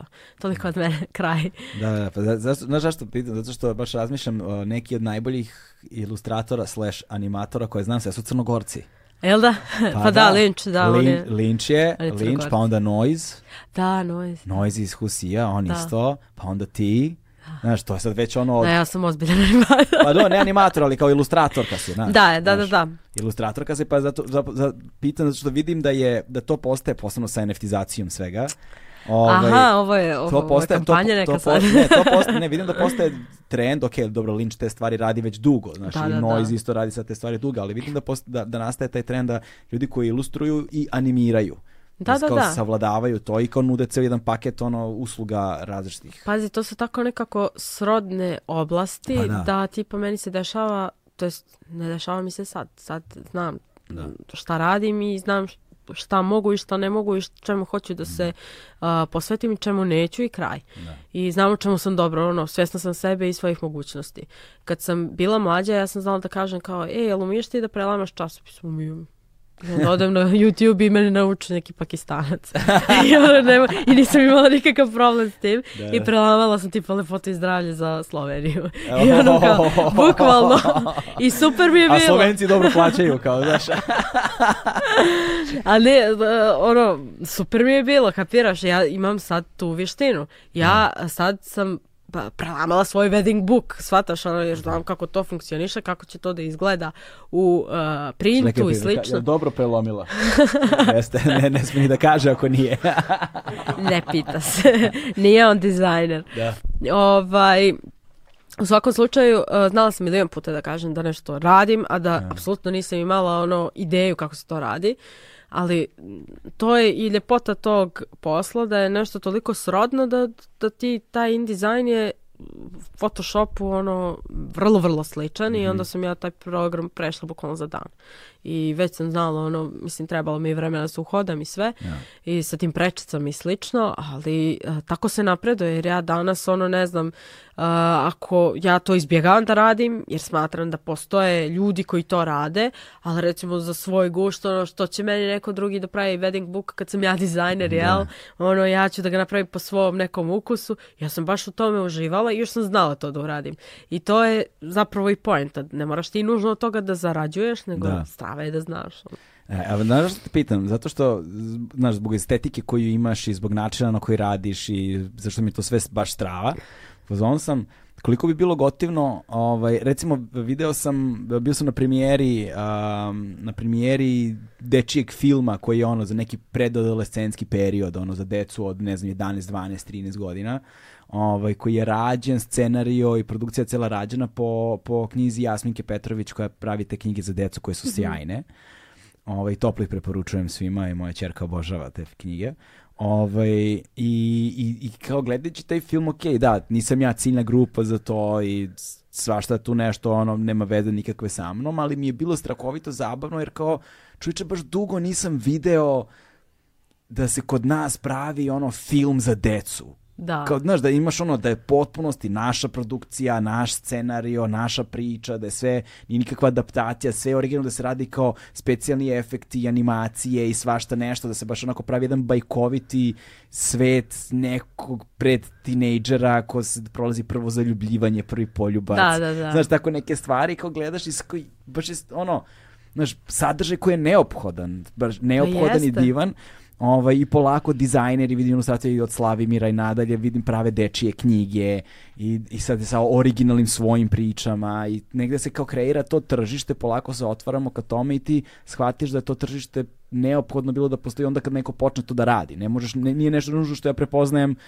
e, sam od sebe, znači, nego mora da se javi neka potreba na osnovu kojih prepoznali da neko uradi da prepo... U, jebote, stvarno ovo je sjajno. I prepoznajem sad da se dešava polako ta neka tranzicija, da se pojavljuju neki pojedinci i da bi bilo strava kada bi postao, ne znam, neki animirani film, crtani i nešto, kada bi postojale tako neke stvari koje bi ti recimo radila, to bi bilo do jaja. Znaš, se udružiš ne znam, s nekim scenaristima, s nekim animatorima pa da napravite neki, ne znam, naš, baš tinejdžerski recimo, ima taj ono, sa, te, sa tom zombi pričom, sa tom da. alternativnom pričom, sa tom ono hardcore punk pričom, sa ono, a, znaš, puno puno toga ima, ovaj, što mislim da bi ono, o, u ovom konkretnom slučaju ne znam sad, nije važno, ono, od poznih tinejdžera pa vamo rane 20. i to nešto što bi se konzumiralo ludački da kreiramo svoj, kao što kad smo mi bili klinci, ne znam, ono, hrvatski Baltazar je bio, da, jebote, da, znaš, da. to je bio wow, čoveče, to smo, ono, ludili smo za time, znaš, bilo je puno tog nekog sadržaja kog sad više nema. Tako je. Znaš, i onda bi bilo strava da postoji, onda sam razmišljao kao, jel praviš, da sad možemo da dođemo na temu izdavaštva, znaš, kao knjiga i tih stvari, pa kao, kako izgleda, znaš, ok, sad van animacija, ali ta tranzicija, ono, kao sad, znaš, 50 godina si crtala tweetove, a šta sad sve radiš tu? U, pa ja sad radim svašta, ali a, i dalje za, za knjigu ili, ili recimo animirani film i slično, ja smatram da još uvijek nisam spremna. Mm -hmm. Ono, u smislu, Uh, recimo, da bih ja napravila knjigu za djecu, kao što si mi ti rekla da bi bilo strava. Da, bi bilo strava, ja bih da. baš volio da vidim knjigu za, nekoliko, da, da. za djecu. Da. Uh, ja bih morala postane roditelj. Jer ja sve Aha, što, što ja ovaj radim je, bukvalno krećem od sebe i, i uvijek mogu da kažem, okay, ovo nije istina za tebe, ali ovo je istina za mene, ovo se, ovo se meni stvarno desilo. Znači, sutra, ono, ne znam, ako budem imala dijete, ja ću moći da kažem, ok, ovo se ne dešava tvom djetetu, ono, da, da. ovo, tvoje dijete nije, ne vrišti ovako ili nije mirno ovako. Ok, razumijem, ali to, to je moje dijete i ono, ja sam samo zabilježila nešto što sam ja iskusila. Mm. Tako da, eh, da bih eh, imala Eh, to mislim da bi eh, to jest da bih mogla knjigu da napravim mislim da bih morala da imam to iskustvo A dobro to je za decu tako je ali A za ove starije za ove starije ja ne znam kako da pričam sa njima Evo, vidiš, da. E, taj imam moment zato što e, ja ne znam kako bih ja iskomunicirala sa njima jer imam ih i u, ono, u u familiji ih imam, ono, koji su tinejdžeri sad i ne znam, oni, ono, bukvalno dođu i kao, oni mene posmatraju kao zombijano, u familiji su mi kao, hoćeš da mi zapratiš na TikToku, ono, kao pod stresom je, kao, hoću, evo, ono, mislim, evo ne follow, znam, bukvalno tetka sam ti kao, ono, mislim, o čemu pričam, kao, jao, strava, ono, kao, pa se posvađaju između sebe, kao, ne. Da. mene zapratila, tebe nije, nije na ovaj privatan profil i to što se pričam. Da. I ovaj, Uglavnom, ja ne znam kako da komuniciram sa njime jer to su baš osjetljive teme i totalno je drugačija, ono, totalno je drugačiji svijet u kome oni odrastaju nego u kom sam ja odrastala. Da. U smislu, uh, ja sad mogu već da vidim, ne znam, da, da klinci imaju problem sa aknama, koji mm. će potencijalno da bude ovaj moj problem ako se ne saniraju na vrijeme. Ali kako ti da kažeš ono klincu kao, e vidi, moraš da prestaneš da, da piješ mlijeko, pa moraš uh, i ne znam, da ideš kod doktora, pa ovo, pa ono, pa da se cimaš, pa da budeš strpljiv i ne znam i to, kao, neću te slušati, ko si ti osoba, ono, otprilike. Ali ako napraviš da lika... Instant. Da, ako napravi lika koji to ima, okej, okay, razumijem, ali... Koji ima njihove godine... Da, ali ako ga animiram, ovako ja kako ga ja animiram, da, da, da. Neće to biti pa, zabavno. Pa, da, ali znaš šta, ali ne moraš nužno ti da animiraš. Znači, tvoje, recimo, da napraviš tu estetiku, da kreira, znači, recimo, neko može da kreira priču, da. neko će da animira to što ti ilustruješ, znači, to može bude, to treba bude tim ljudi. Da, da, neko da. Bude pa nekoliko, mora, da svako da. ima, da, na, i onda krene tu neki projekat, pa naš, napišete neki projekat za to, pa to pa možda dobijete neka sredstva. Da, da, da, naravno. To su stvari o kojima se da razmišljati, ono, jer, jer mislim, imaju baš velikog potencijala i ono, mislim, ja sam... Mislim, meni je žao da ti to ne iskoristiš zato što ti imaš veliki potencijal, pre svega i imaš radnu etiku i naviku i A kreirano... Hoće sigurno i, u nekom momentu, da. ali ja sam više ono u fazonu da mu dođe vrijeme, jer... Uh, Na neke stvari mi se mora pojuriš. To je istina, Daš. ali isto tako ono kao jureći ono prestaću da uživam. I ma gde ćeš, se, možda ćeš, možda, možda, možda ćeš baš više početi da uživaš. Ma neću, ma kako kad ne budem imala vremena. Pa ja da, sad toliko budu... stvari radim da bukvalno ono, nema šanse da uzmem još nešto ono novo, a ja baš želim ono projekat koji a sam zamisli kako bi ovo bilo dobro, jer tu bi recimo bila i ta ja, muzika. Ja čovječe, znači NFT pa sad ovo, šta radiš? Pa nago, nagovaram te, čuviš da te nagovaram? Vidim, Pokušavam vidim. te motivišem, je, znaš, i, još, i onda se to ubaci ta muzika, znaš, jer i ti si odrastala uz tu muziku i tu estetiku, znaš, kad si ti bila emo, Znaš. Nemoj da mi pominješ. Neko je morao da kreira sav taj sadržaj. Uh, pa, to je najjače, da kreirali smo ga mi. ono, kreirali smo ga mi u našoj emo zajednici. Imala sam forum, bre, ja sam kreirala to. Kako se zvala zajednica? Emo Corner. Emo da, Corner. Pozdrav za sve sa Emo Corner. Koliko vas je bilo? E, pa bilo nas je stotinjak čak. Mm. Da, znači sve stvari koje, koje smo tamo pisali su bezbjedno obrisane, da. jer stvarno, stvarno je bilo problematično. S kojim Tako, da. bendovima si odrastala? A, ja sam zapravo odrasla sa pop-punkom. Nisam A, odrasla, melodičnim. Da, tako je, da, da, da. znači, da, samo ta Britney Spears, ali Da, punkerka. Da, tako da je to all time low. Tu si, to si u Novom Sadu onda imala puno prijatelja, verovatno. A, jesam, ali isto tako u tom periodu od mog odrastanja sam tada više bila okrenuta HCU. Mm-hmm. Tako da ja sam imala razne neke, recimo kad sam postala zombijana ja sam slušala samo Psycho Billy. A, Psycho Ali nije mi se, nisam doživljavala kao to da ja sad promijenim cijelu ličnost zbog toga ili način oblačenja. Ja sam non stop bila ista, samo, samo sam eksperimentisala sa muzikom da bi došla sad do ovog momenta kad ja slušam sve to. si bila ovde na bendu, da slušala da čikine bombone i te bende? E, nisam nažalost, ali znam. Da, Vrlo A, sam... Oni sviraju sa kubili, da, ono. Da, da, da, i to, to, cijeli taj vibe i trip, ono, to mi je baš strava bilo, ali upravo, žela sam u Beograd, nisam imala vremena za da. to. A ovaj, šta, šta, sa, sa čime si počela od popanka? Uh, e, sa All Time Low, uh, e, oni su počeli, bukvalno sam počela od prve stvari njihove i ono, ja, ja ih dan danas slušam, ono, bukvalno su samo fazonu, e, moji drugari, ono yeah. Da. kao, slušam vas 15 godina, ono kao, e, imate tonu smeća, ali ono, baš bude loših albuma, ali kao, baš ih volim. No, da, I da, imala sam i taj moment, ono, ne znam, otišla sam u Lisabon zbog stvari 21 Pilotsa, jer sam obožavala album Blurryface i oni su novi album izbacili, a odem da, da vidim taj koncert to je inače poslednji koncert u, u Evropi i ono mhm. kao uh, ko zna kad će opet, la la i poverim ja to da vidim i razočaram se maksimalno zato što uh, to je, ja kad sam ih slušala oni su samo njih dvojica uh, bukvalno na bini sve se tu desi i to je to a kad sam došla tamo, to je bila nekakva arenetina, ne arena, nego arenet. I on je bio čas tamo, pa ovamo, pa ovamo, pa bukvalno presvukao se 15 puta i ono kao u Nije što se desilo, da. da. Ali onda sam sebe objasnila kao, brate, on živi od toga što radi, ono kao, budi srećan za njega i kao to je to, slušaj ga tamo na Spotify uživaj. Ono da. kao, mislim, to da. si mogla raditi sa 15 da, da, da. godina, nema sad više toga. Tako da to, Enter Shikari, ne ja, da, kako sam njih, znači njih sam u Oslu slušala. To nije slušala, baš pop-punk. nije, nije.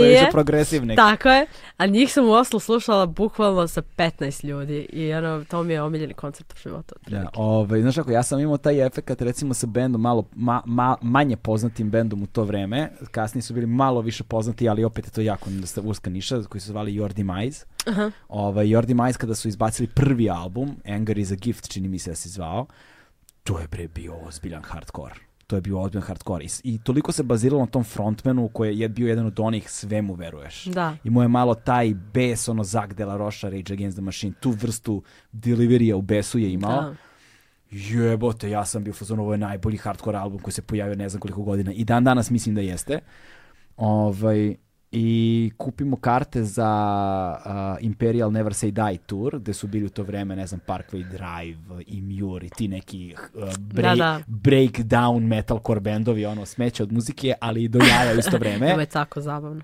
Pa znaš kako, zato što zato što je generički muzički pravac. I onda da. u početku ti bude strava, ali posle petog benda si u fazonu sve zvuči isto. Naravno, znaš. da. Ali ta smo se ložili strašno. I kao idemo a, u, u, u, u Beč na, na, na koncert, a oni a kupiš karte naravno mnogo ranije jer to se naravno. rasproda. Evropska turneja kad dolaze ti bendovi to se rasproda odma. Dobro i Jordi Maj su Britanci, ali bez obzira, ovi su iz Australije, jebi ga, znaš i to. Da.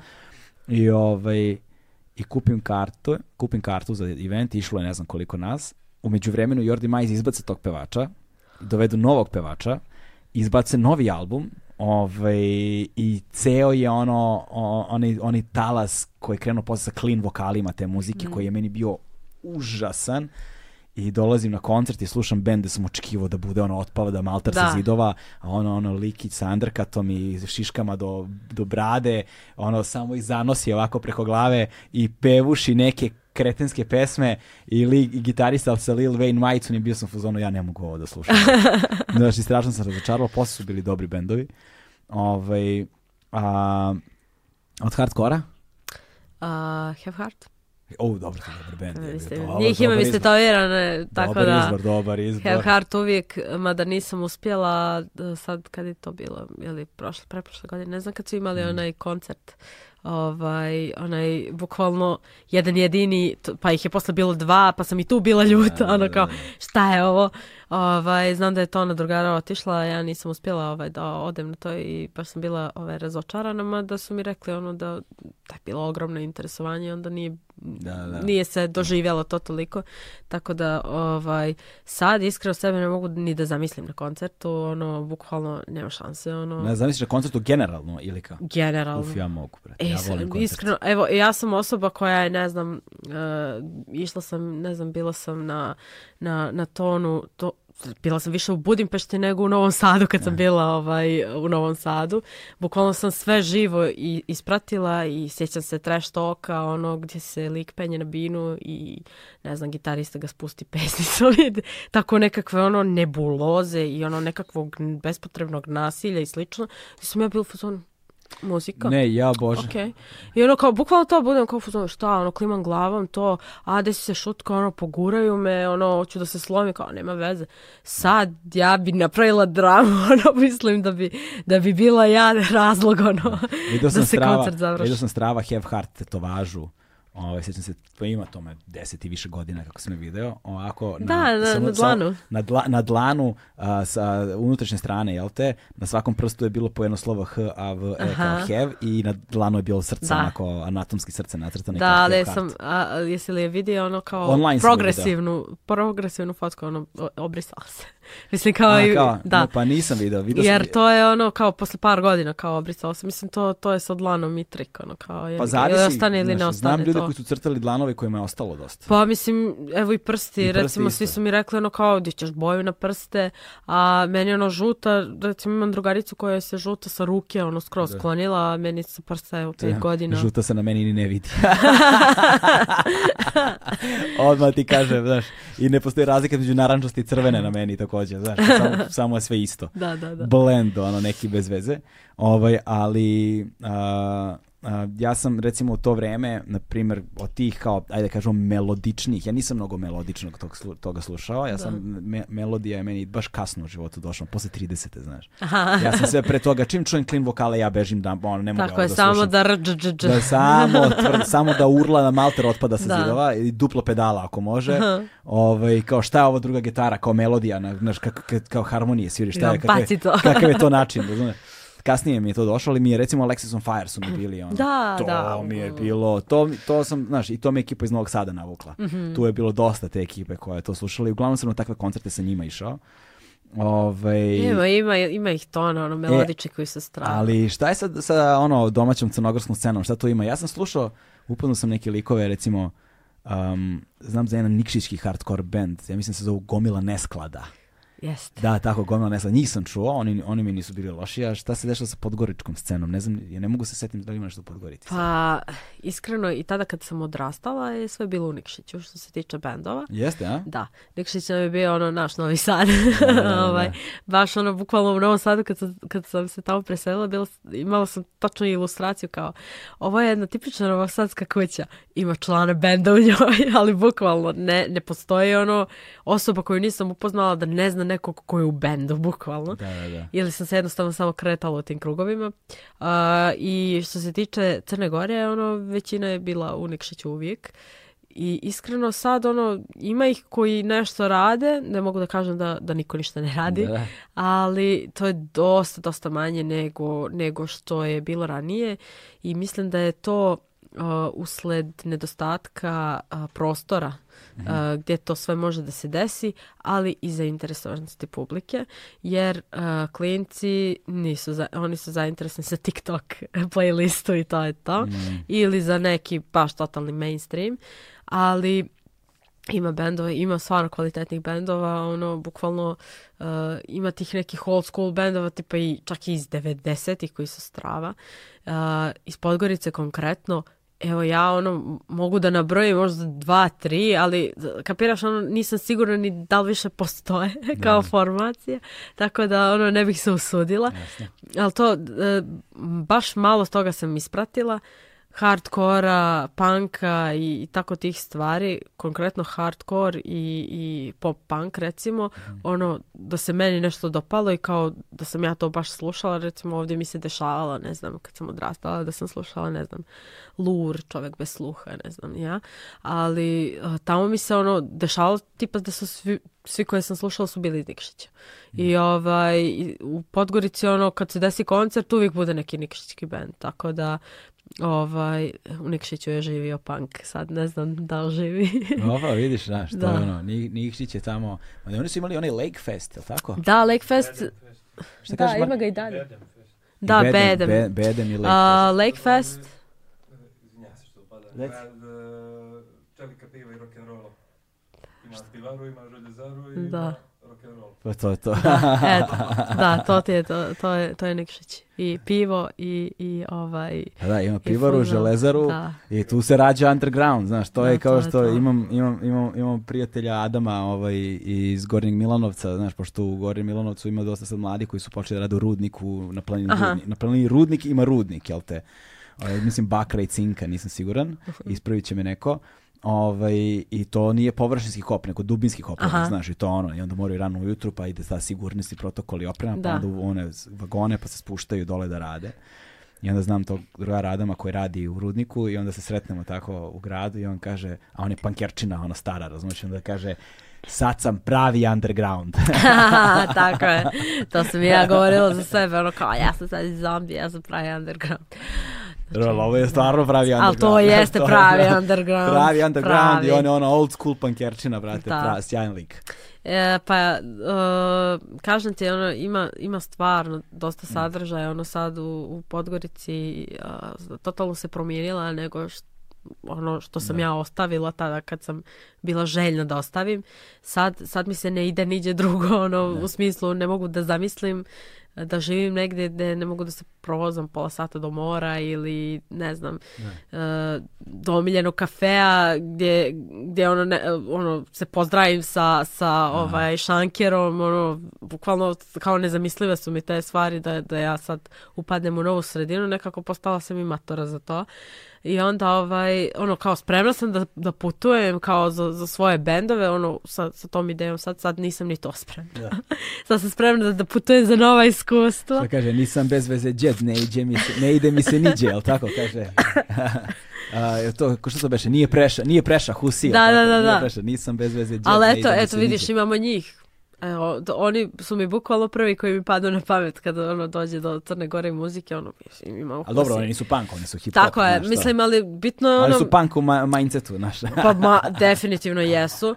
Da. A, I stvarno je, mislim, bitno i ovaj i navesti i te druge ovaj, muzičare, da. nema nas puno i, i, i generalno muzičara nema puno i onda ovaj, kao kad me neko pita kao, pa koga ćete vi sledeće godine pošaljete na Euroviziju, da nam bukvalno kao možda ste ih sve već ispucali. Kao, nije baš tako. Riva Kusi su se prije bili na Beogradu. Jesu i to je naj, najbolja Eurovizija ikada. Ono, ne mogu da verujem da nisu prošli u finale. Na, da, na, da, u stvari, oni su bili na Beo, Beoviziji. Ne, ne, na Euroviziji. Evro, Da, predstavljali Crnu Goru. A, jeste, oni su pobedili na kao crnogorskom... Pa ja mislim da tada nije Jebo, možda ni bilo nema... takmičenje, nego, da, nego sad imaš ono kao selekciju, samo izaberu osobu i to. Aha, aha, aha. Ono kao mi nemamo to vi sad imate Beoviziju, evo, pratim sve to, ja sam to veliki se, fan. To se sad nešto dešava da, mi, da, snimamo, da. dok mi snimamo, ali ne mogu, ja, ja pratim, da. sad pratim rat u Ukrajini, ono, znaš sad.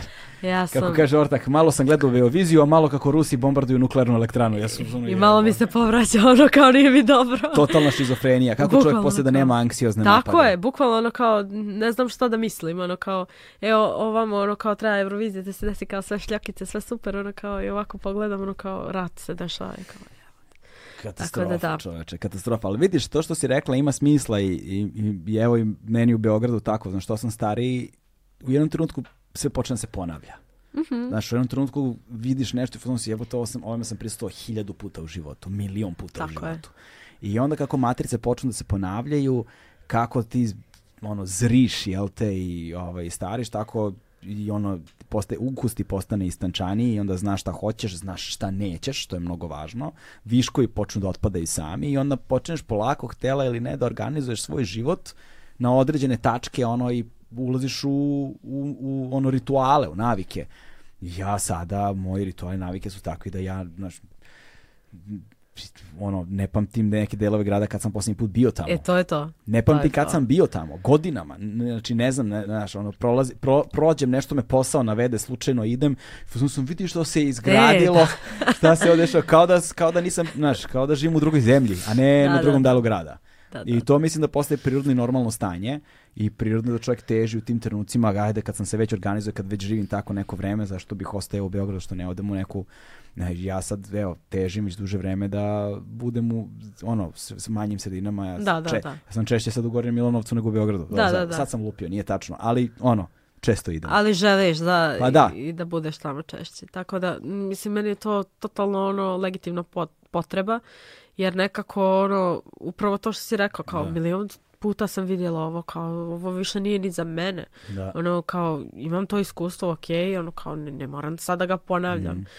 Recimo, ne znam, to je, to je povezano i sa, sa tim, ne znam, i što radim i ne znam, što se tiče moje, ov, mojih hobija i slično, ono kao sve mi se nekako ono svelo na, na to što baš znam šta neću mm. I, mhm. i, i ako mi se promijeni ukus, ono to je skroz ok, ono kao nemam više problem sa tim da određene stvari samo da. napustim da. i ono kao prerasla sam ih da. i to je skroz ok. A e, to je zanimljivo kod osoba koja borave u javnom prostoru na način na koji to radimo ti i ja, na primjer. Da. Uh, ovaj, na drugačiji način, ali opet borivamo, boravimo u javnom prostoru. Ljudi se kroz vreme transformišu, i tome smo pričali. Znaš, da. Ja pre tri godine da se sretnemo, ja bi bio, ja bi bio pozvano odbre budalo jedna, razumeš? Bukvalno gađala bi je stolicu. To. znaš, ja pre ti? pet godina ili pre ne daj Bože deset godina znaš, i sada transformacija ljudi u javnom prostoru ovaj, ume da bude zajebana stvar. Jer tebe ukače na jedan način i onda te doživljavaju na taj jedan način, a ti si za 5, 7, 10 godina totalno neka 16 osoba, ali i dalje se boriš sa istim ono demonima za kojima si se borila u to vreme, zato što ti je to ostalo zakačeno, etiketirano i percipiraju te na određeni način i pokušaš da oslobodiš tog balasta. Tako je, samo što sam ja prestala da se da pokušavam da se oslobodim. Aha. Jer ono što sam ti pričala, ovaj kad sam snimala tu tu no hate kampanju, uh, ono, da. što smo zajedno radili. Srce na hejte, da. Da, da. ovaj, uh, dešavalo se da, da dobijem komentar kao ono, šta ti ovo radiš, ti si najveća hejterčina koju znam ono, na internetu, bukvalno ti si ono više puta rekla da mrziš ljude nego, šta, nego bilo da. šta drugo i tu rič mrzim, ono si više puta rekla nego bilo šta i sad ti kao nešto srce na hejt. Ono kao hejt ti se vraća jer si ga davala i ono da, da. kao ok, ali ja nikad, čak i kad sam ono bila rekreativni hejter, nikad nisam imala taj baš uh, svjesno i namjerno upućeni direktno hejt. Tipa mm. da ja dođem i da kažem, e onaj Galeb, znači kako smara lik, o, užas, šta je ono, i onda još možda ti iskopam uh, sliku pa uh, neku gdje si ti nešto drugo, uh, gdje si nešto rekao pa si sad rekao nešto drugo pa onda te još zbog toga iznapadam. Nikad se nisam time bavila. Da. Nego uvijek bilo ono kao, ja kako me nerviraju ljudi koji kažu, shvataš da, da, ono da, da, nekako da, ono kao mentionless. ono pasivna agresija, ono totalno. E, tako da nikad se nisam bavila tim direktnim hejtom i onda meni nije nikad bilo normalno da neko dođe i ono direktno mi kaže kao e smaraš ili ono ili još grublje ubi se ili ne znam ja. I ovaj i onda sam ja uh, e, pokušavala da komuniciram kroz ilustracije koje su slijedile u toj kampanji, mm. da ja sam druga osoba. Mm. Ja sam druga osoba od juče. Ono, juče sam imala daleko začepljeni nos. I bila sam daleko napornija, pogotovo mom supruga. um, klima, klima glavom. glavom da, da. ovaj, tako da, ovaj, stvarno se mijenjam ono, e, sa svakim novim saznanjem, sa svakim novim E, ne znam, međuljudskim odnosom sa, mm. sa jednostavno, recimo, ja e, sad iz ove perspektive vidim koliko sam griješila za, za neke stvari, ne znam, prije nedelju dana, ali i prije deset godina i slično. I a, razlika u tome e, kad sam ja imala 23 godine i kad imam sad 30 je što ja želim to da promijenim mm. i što mm. se ja baš trudim to da promijenim i što ja sad tek koristim svoju psihoterapiju, ono što sam ranije rekla da mi ništa nije radila, što ja tek sad koristim te alate i onda ja sad kad odem kod moje psihoterapeutkinje na jednu seansu tipa u pola godine, zato što imam kao life update, tako ne. ja to zovem. I onda ono... 2.0, da, 12.3. to, part 1. Da. I, ovaj, I bukvalno ono kao dođem kod nje i kao našla sam se u nekoj novoj životnoj situaciji koja je apsolutno nova za mene, mm. kao što je recimo brak ili ne znam, ne znam, zajednički život, lupam sad ne znam, polaganje vožnje, ja sam otišla kod nje zato što sam pala vožnje. Bukval, ja nisam mogla da predstaviti plače. I, ovaj, I ja odem kod nje i nema problem, ono kao ja si ispričam sa njom o tome. I meni ona više nije potrebna tih narednih pola godine, zato što ja znam šta treba da radim. Samo je do mene, hoću li ja to da primjenjujem ili ne. ne. I ovaj, i uh, kad se mijenjaš tako u javnom prostoru, postoje ljudi koji će to da, da primijete i čak i pohvale i, mm i slično, jel to su ljudi koji te prate. Oni ljudi koji će da te hejtuju, oni te uglavnom ne prate, nego uđu tipa na tvoj profil sad i za pola godine i vide da si se promijenio naglo brate, prošle pola godine. Da. ja da budu fazonu, šta je ovo? Mm. Ono kao, vidi ovu budalu, ono kao, šta ti misliš da si ti? Ma sad ću ja da ti kažem. Da, da. Mislim, konkretno mi se desilo prošle godine, ja se više ne pecam na te stvari, da. ali uh, nekako kad si ljudsko biće, desi se da se upecaš. A ne možeš da budeš to kao što je izolovana, da. nije od čega, da. Mislim, imam osjećanja, šta ću. ovaj, uh, prošle godine sam baš ilustrovala uh, kako izgleda jedan radni dan osobe koja radi u trafici. I ja sam uh, osjetila da mogu zato što imam majku, ono, iako sam ja influencerka, majka mi radi na trafici. To je sasvim časan posao i da. pošten i šta, šta fali. Ona je žena zadovoljna i to je to. I uglavnom ja sam predstavila kako to izgleda, da oni nemaju neke wow uslove i da meni recimo nisu normalne te te šale tipa uh, gdje, tra, uh, gdje radnice sa trafike idu u WC Prate, oni nemaju WC. Znači, ne. možeš da odeš u WC samo ako si u dobrim odnosima sa onim butikom ili onom apotekom ili onim ne. kafićem. Inače, ako, ako nisi osoba koja stvara dobra odnose, ne ideš u WC. Da, da, da. I to je baš stravično, ono, tu, tu se možda i neki zdravstveni problem napravi.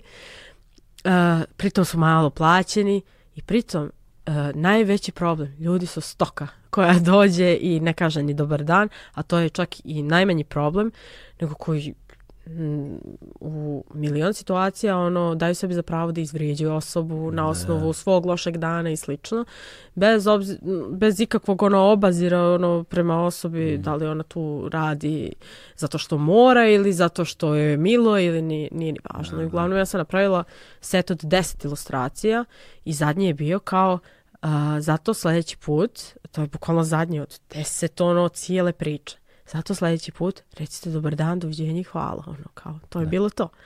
I osoba je to kropovala, samo taj zadnji, zakačala na Twitter i rekla kad će influenceri da, prestaju, da prestanu, da veličaju sebe zbog opšte kulture koja se podrazumijeva.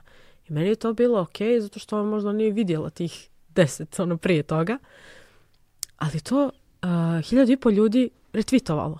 Da, da, da. Ja sam bila u fazonu, čekaj, pa ono ti plasiraš neki sadržaj koji se nije desio, ono kao to, to nije tako, ono kao ti bukvalno e, vidiš samo šta je tebi drago, a ne šta je zapravo istina.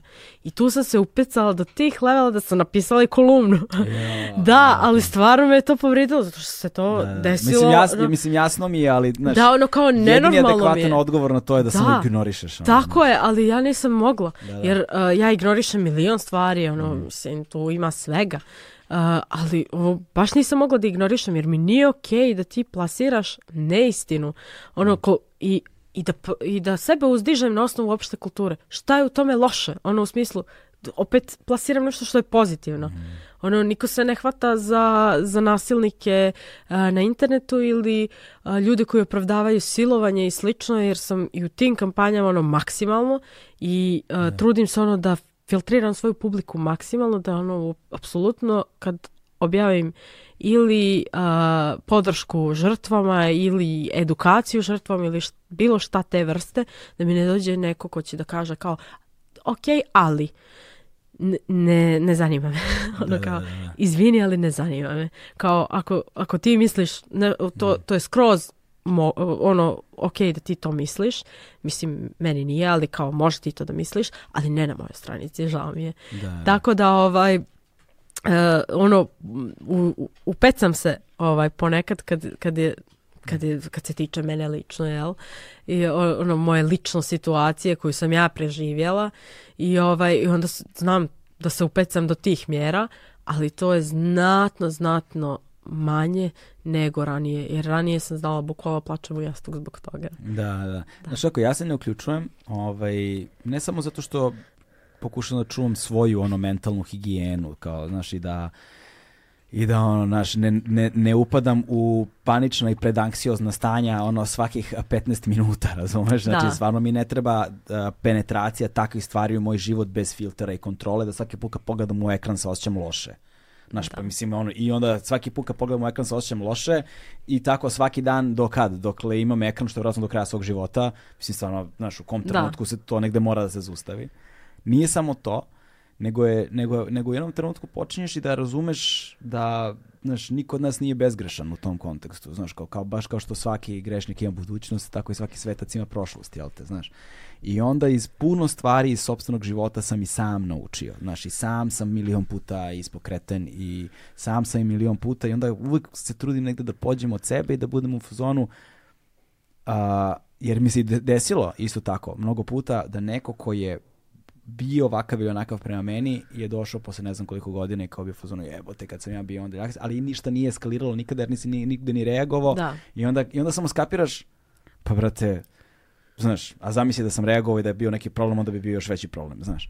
I, ovaj, i onda je tako, ne znam kako sad kao da zaokružim, možda sam počeo da pričam, znaš, razmišljam, razmišljam dok... Kao Michael Scott. Da, da, da. Razmišljam, just start talking. Da, da, da, za, razmišljam dok ovaj, dok, razmišljam dok izgovaram zato što negde je taj odnos zapravo dvosmerna ulica i vrlo često i ljudi koji rade takve stvari zapravo to ne misle, ali kasnije u životu shvatio da to ne misle. Tako je. Ja Znaš? to u potpunosti razumijem, ali isto tako meni te stvari uh, ne treba da ne bih da prođu ispod radara, mm. jer je proces odrastanja kad nekome ukažeš da griješi, jer su meni ljudi ukazivali da griješim. Mm. Ja sam na Twitteru pogrešila milion puta da. i dešavalo se ono da, da mi ljudi baš agresivno ni malo nježno ne, ne, ne daju do znanja da grešim. Mm. Ja sam se tada svađala sa njima i ono, bukvalno bilo, bilo mi je baš bolno sve to. Da. Ali sad iz ove perspektive ja bih bila na njihovoj strani. Pa, da, da, da. Jer ono griješiš. Da, ono da. kao nisi u pravu.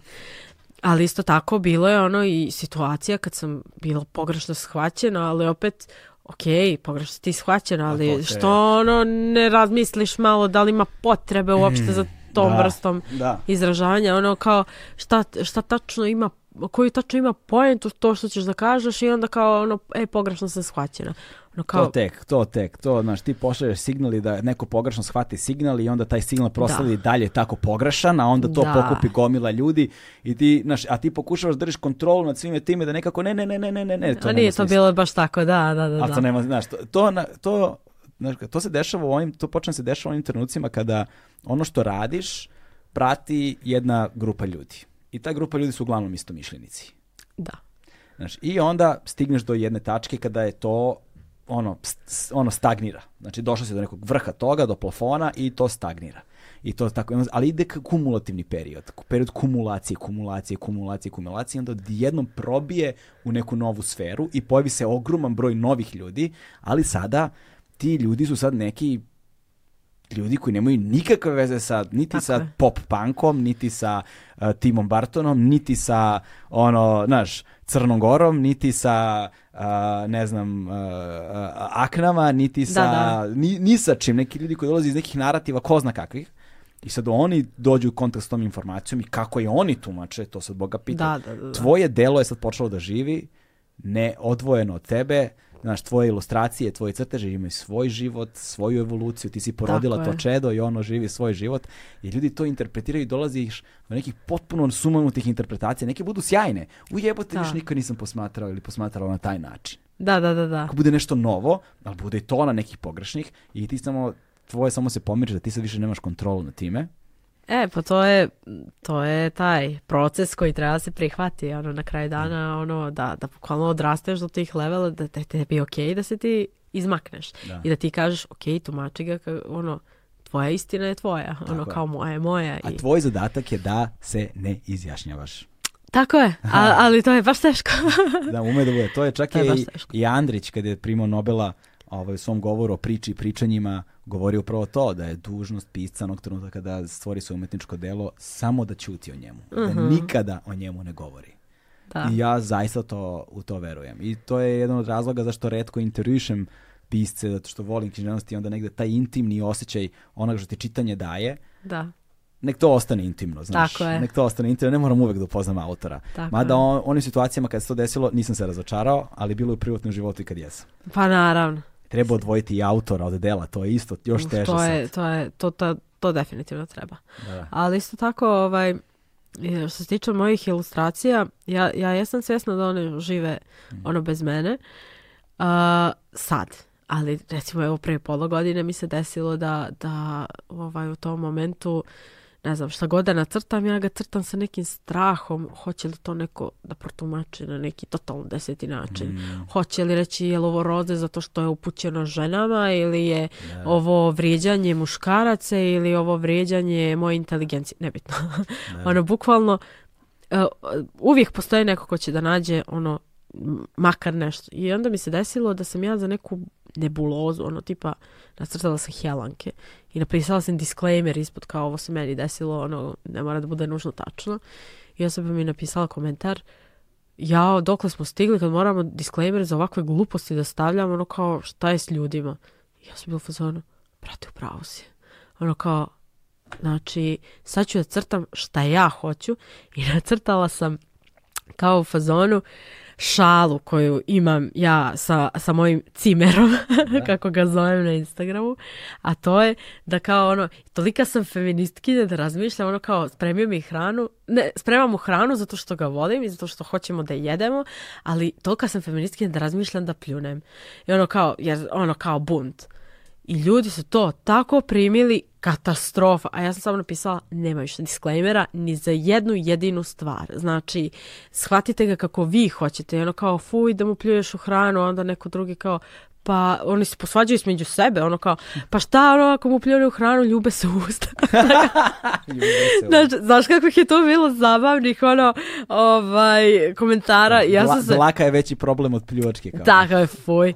Ovaj, uglavnom, ono, na kraju dana to nije ono kao da. bukvalno to, nego je da. šala. Eto, eto pitanja.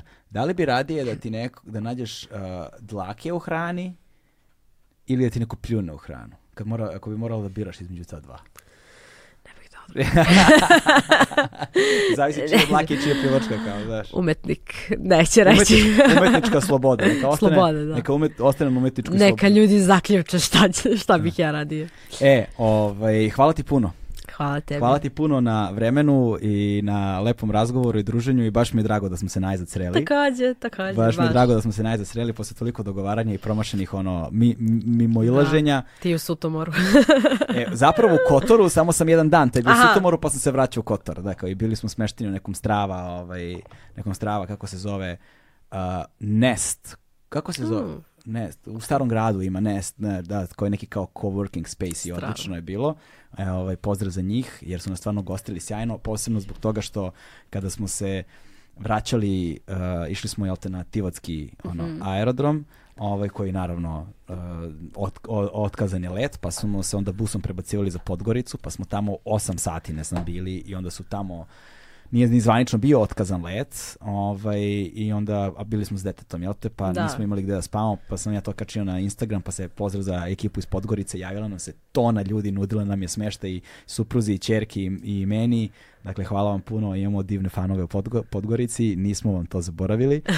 ovaj, I onda smo seli, na, i onda su nas zvali iz tog nesta ortaci, bili u fazonu, e, dođite kod nas nazad u Kotor, imate besplatno ono, da, da. pokrijemo i onda smo bili još dva dana, pošto A, nije bilo strava. letova, onda smo, se, od, onda smo se tek u utorak, dakle nedelja je to bila, onda smo se utorak tek vratili nazad za Beograd i ovaj, pozdrav velike za njih, zaslužili su stvarno, a i je ono prostor, tako da ga toplo preporučujem.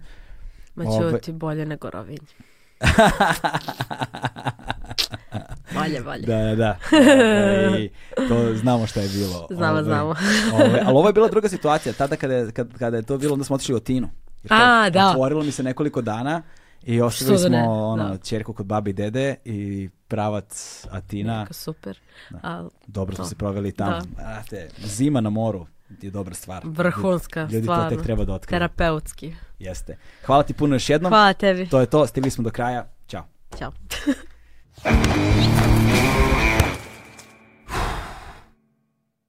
hmm.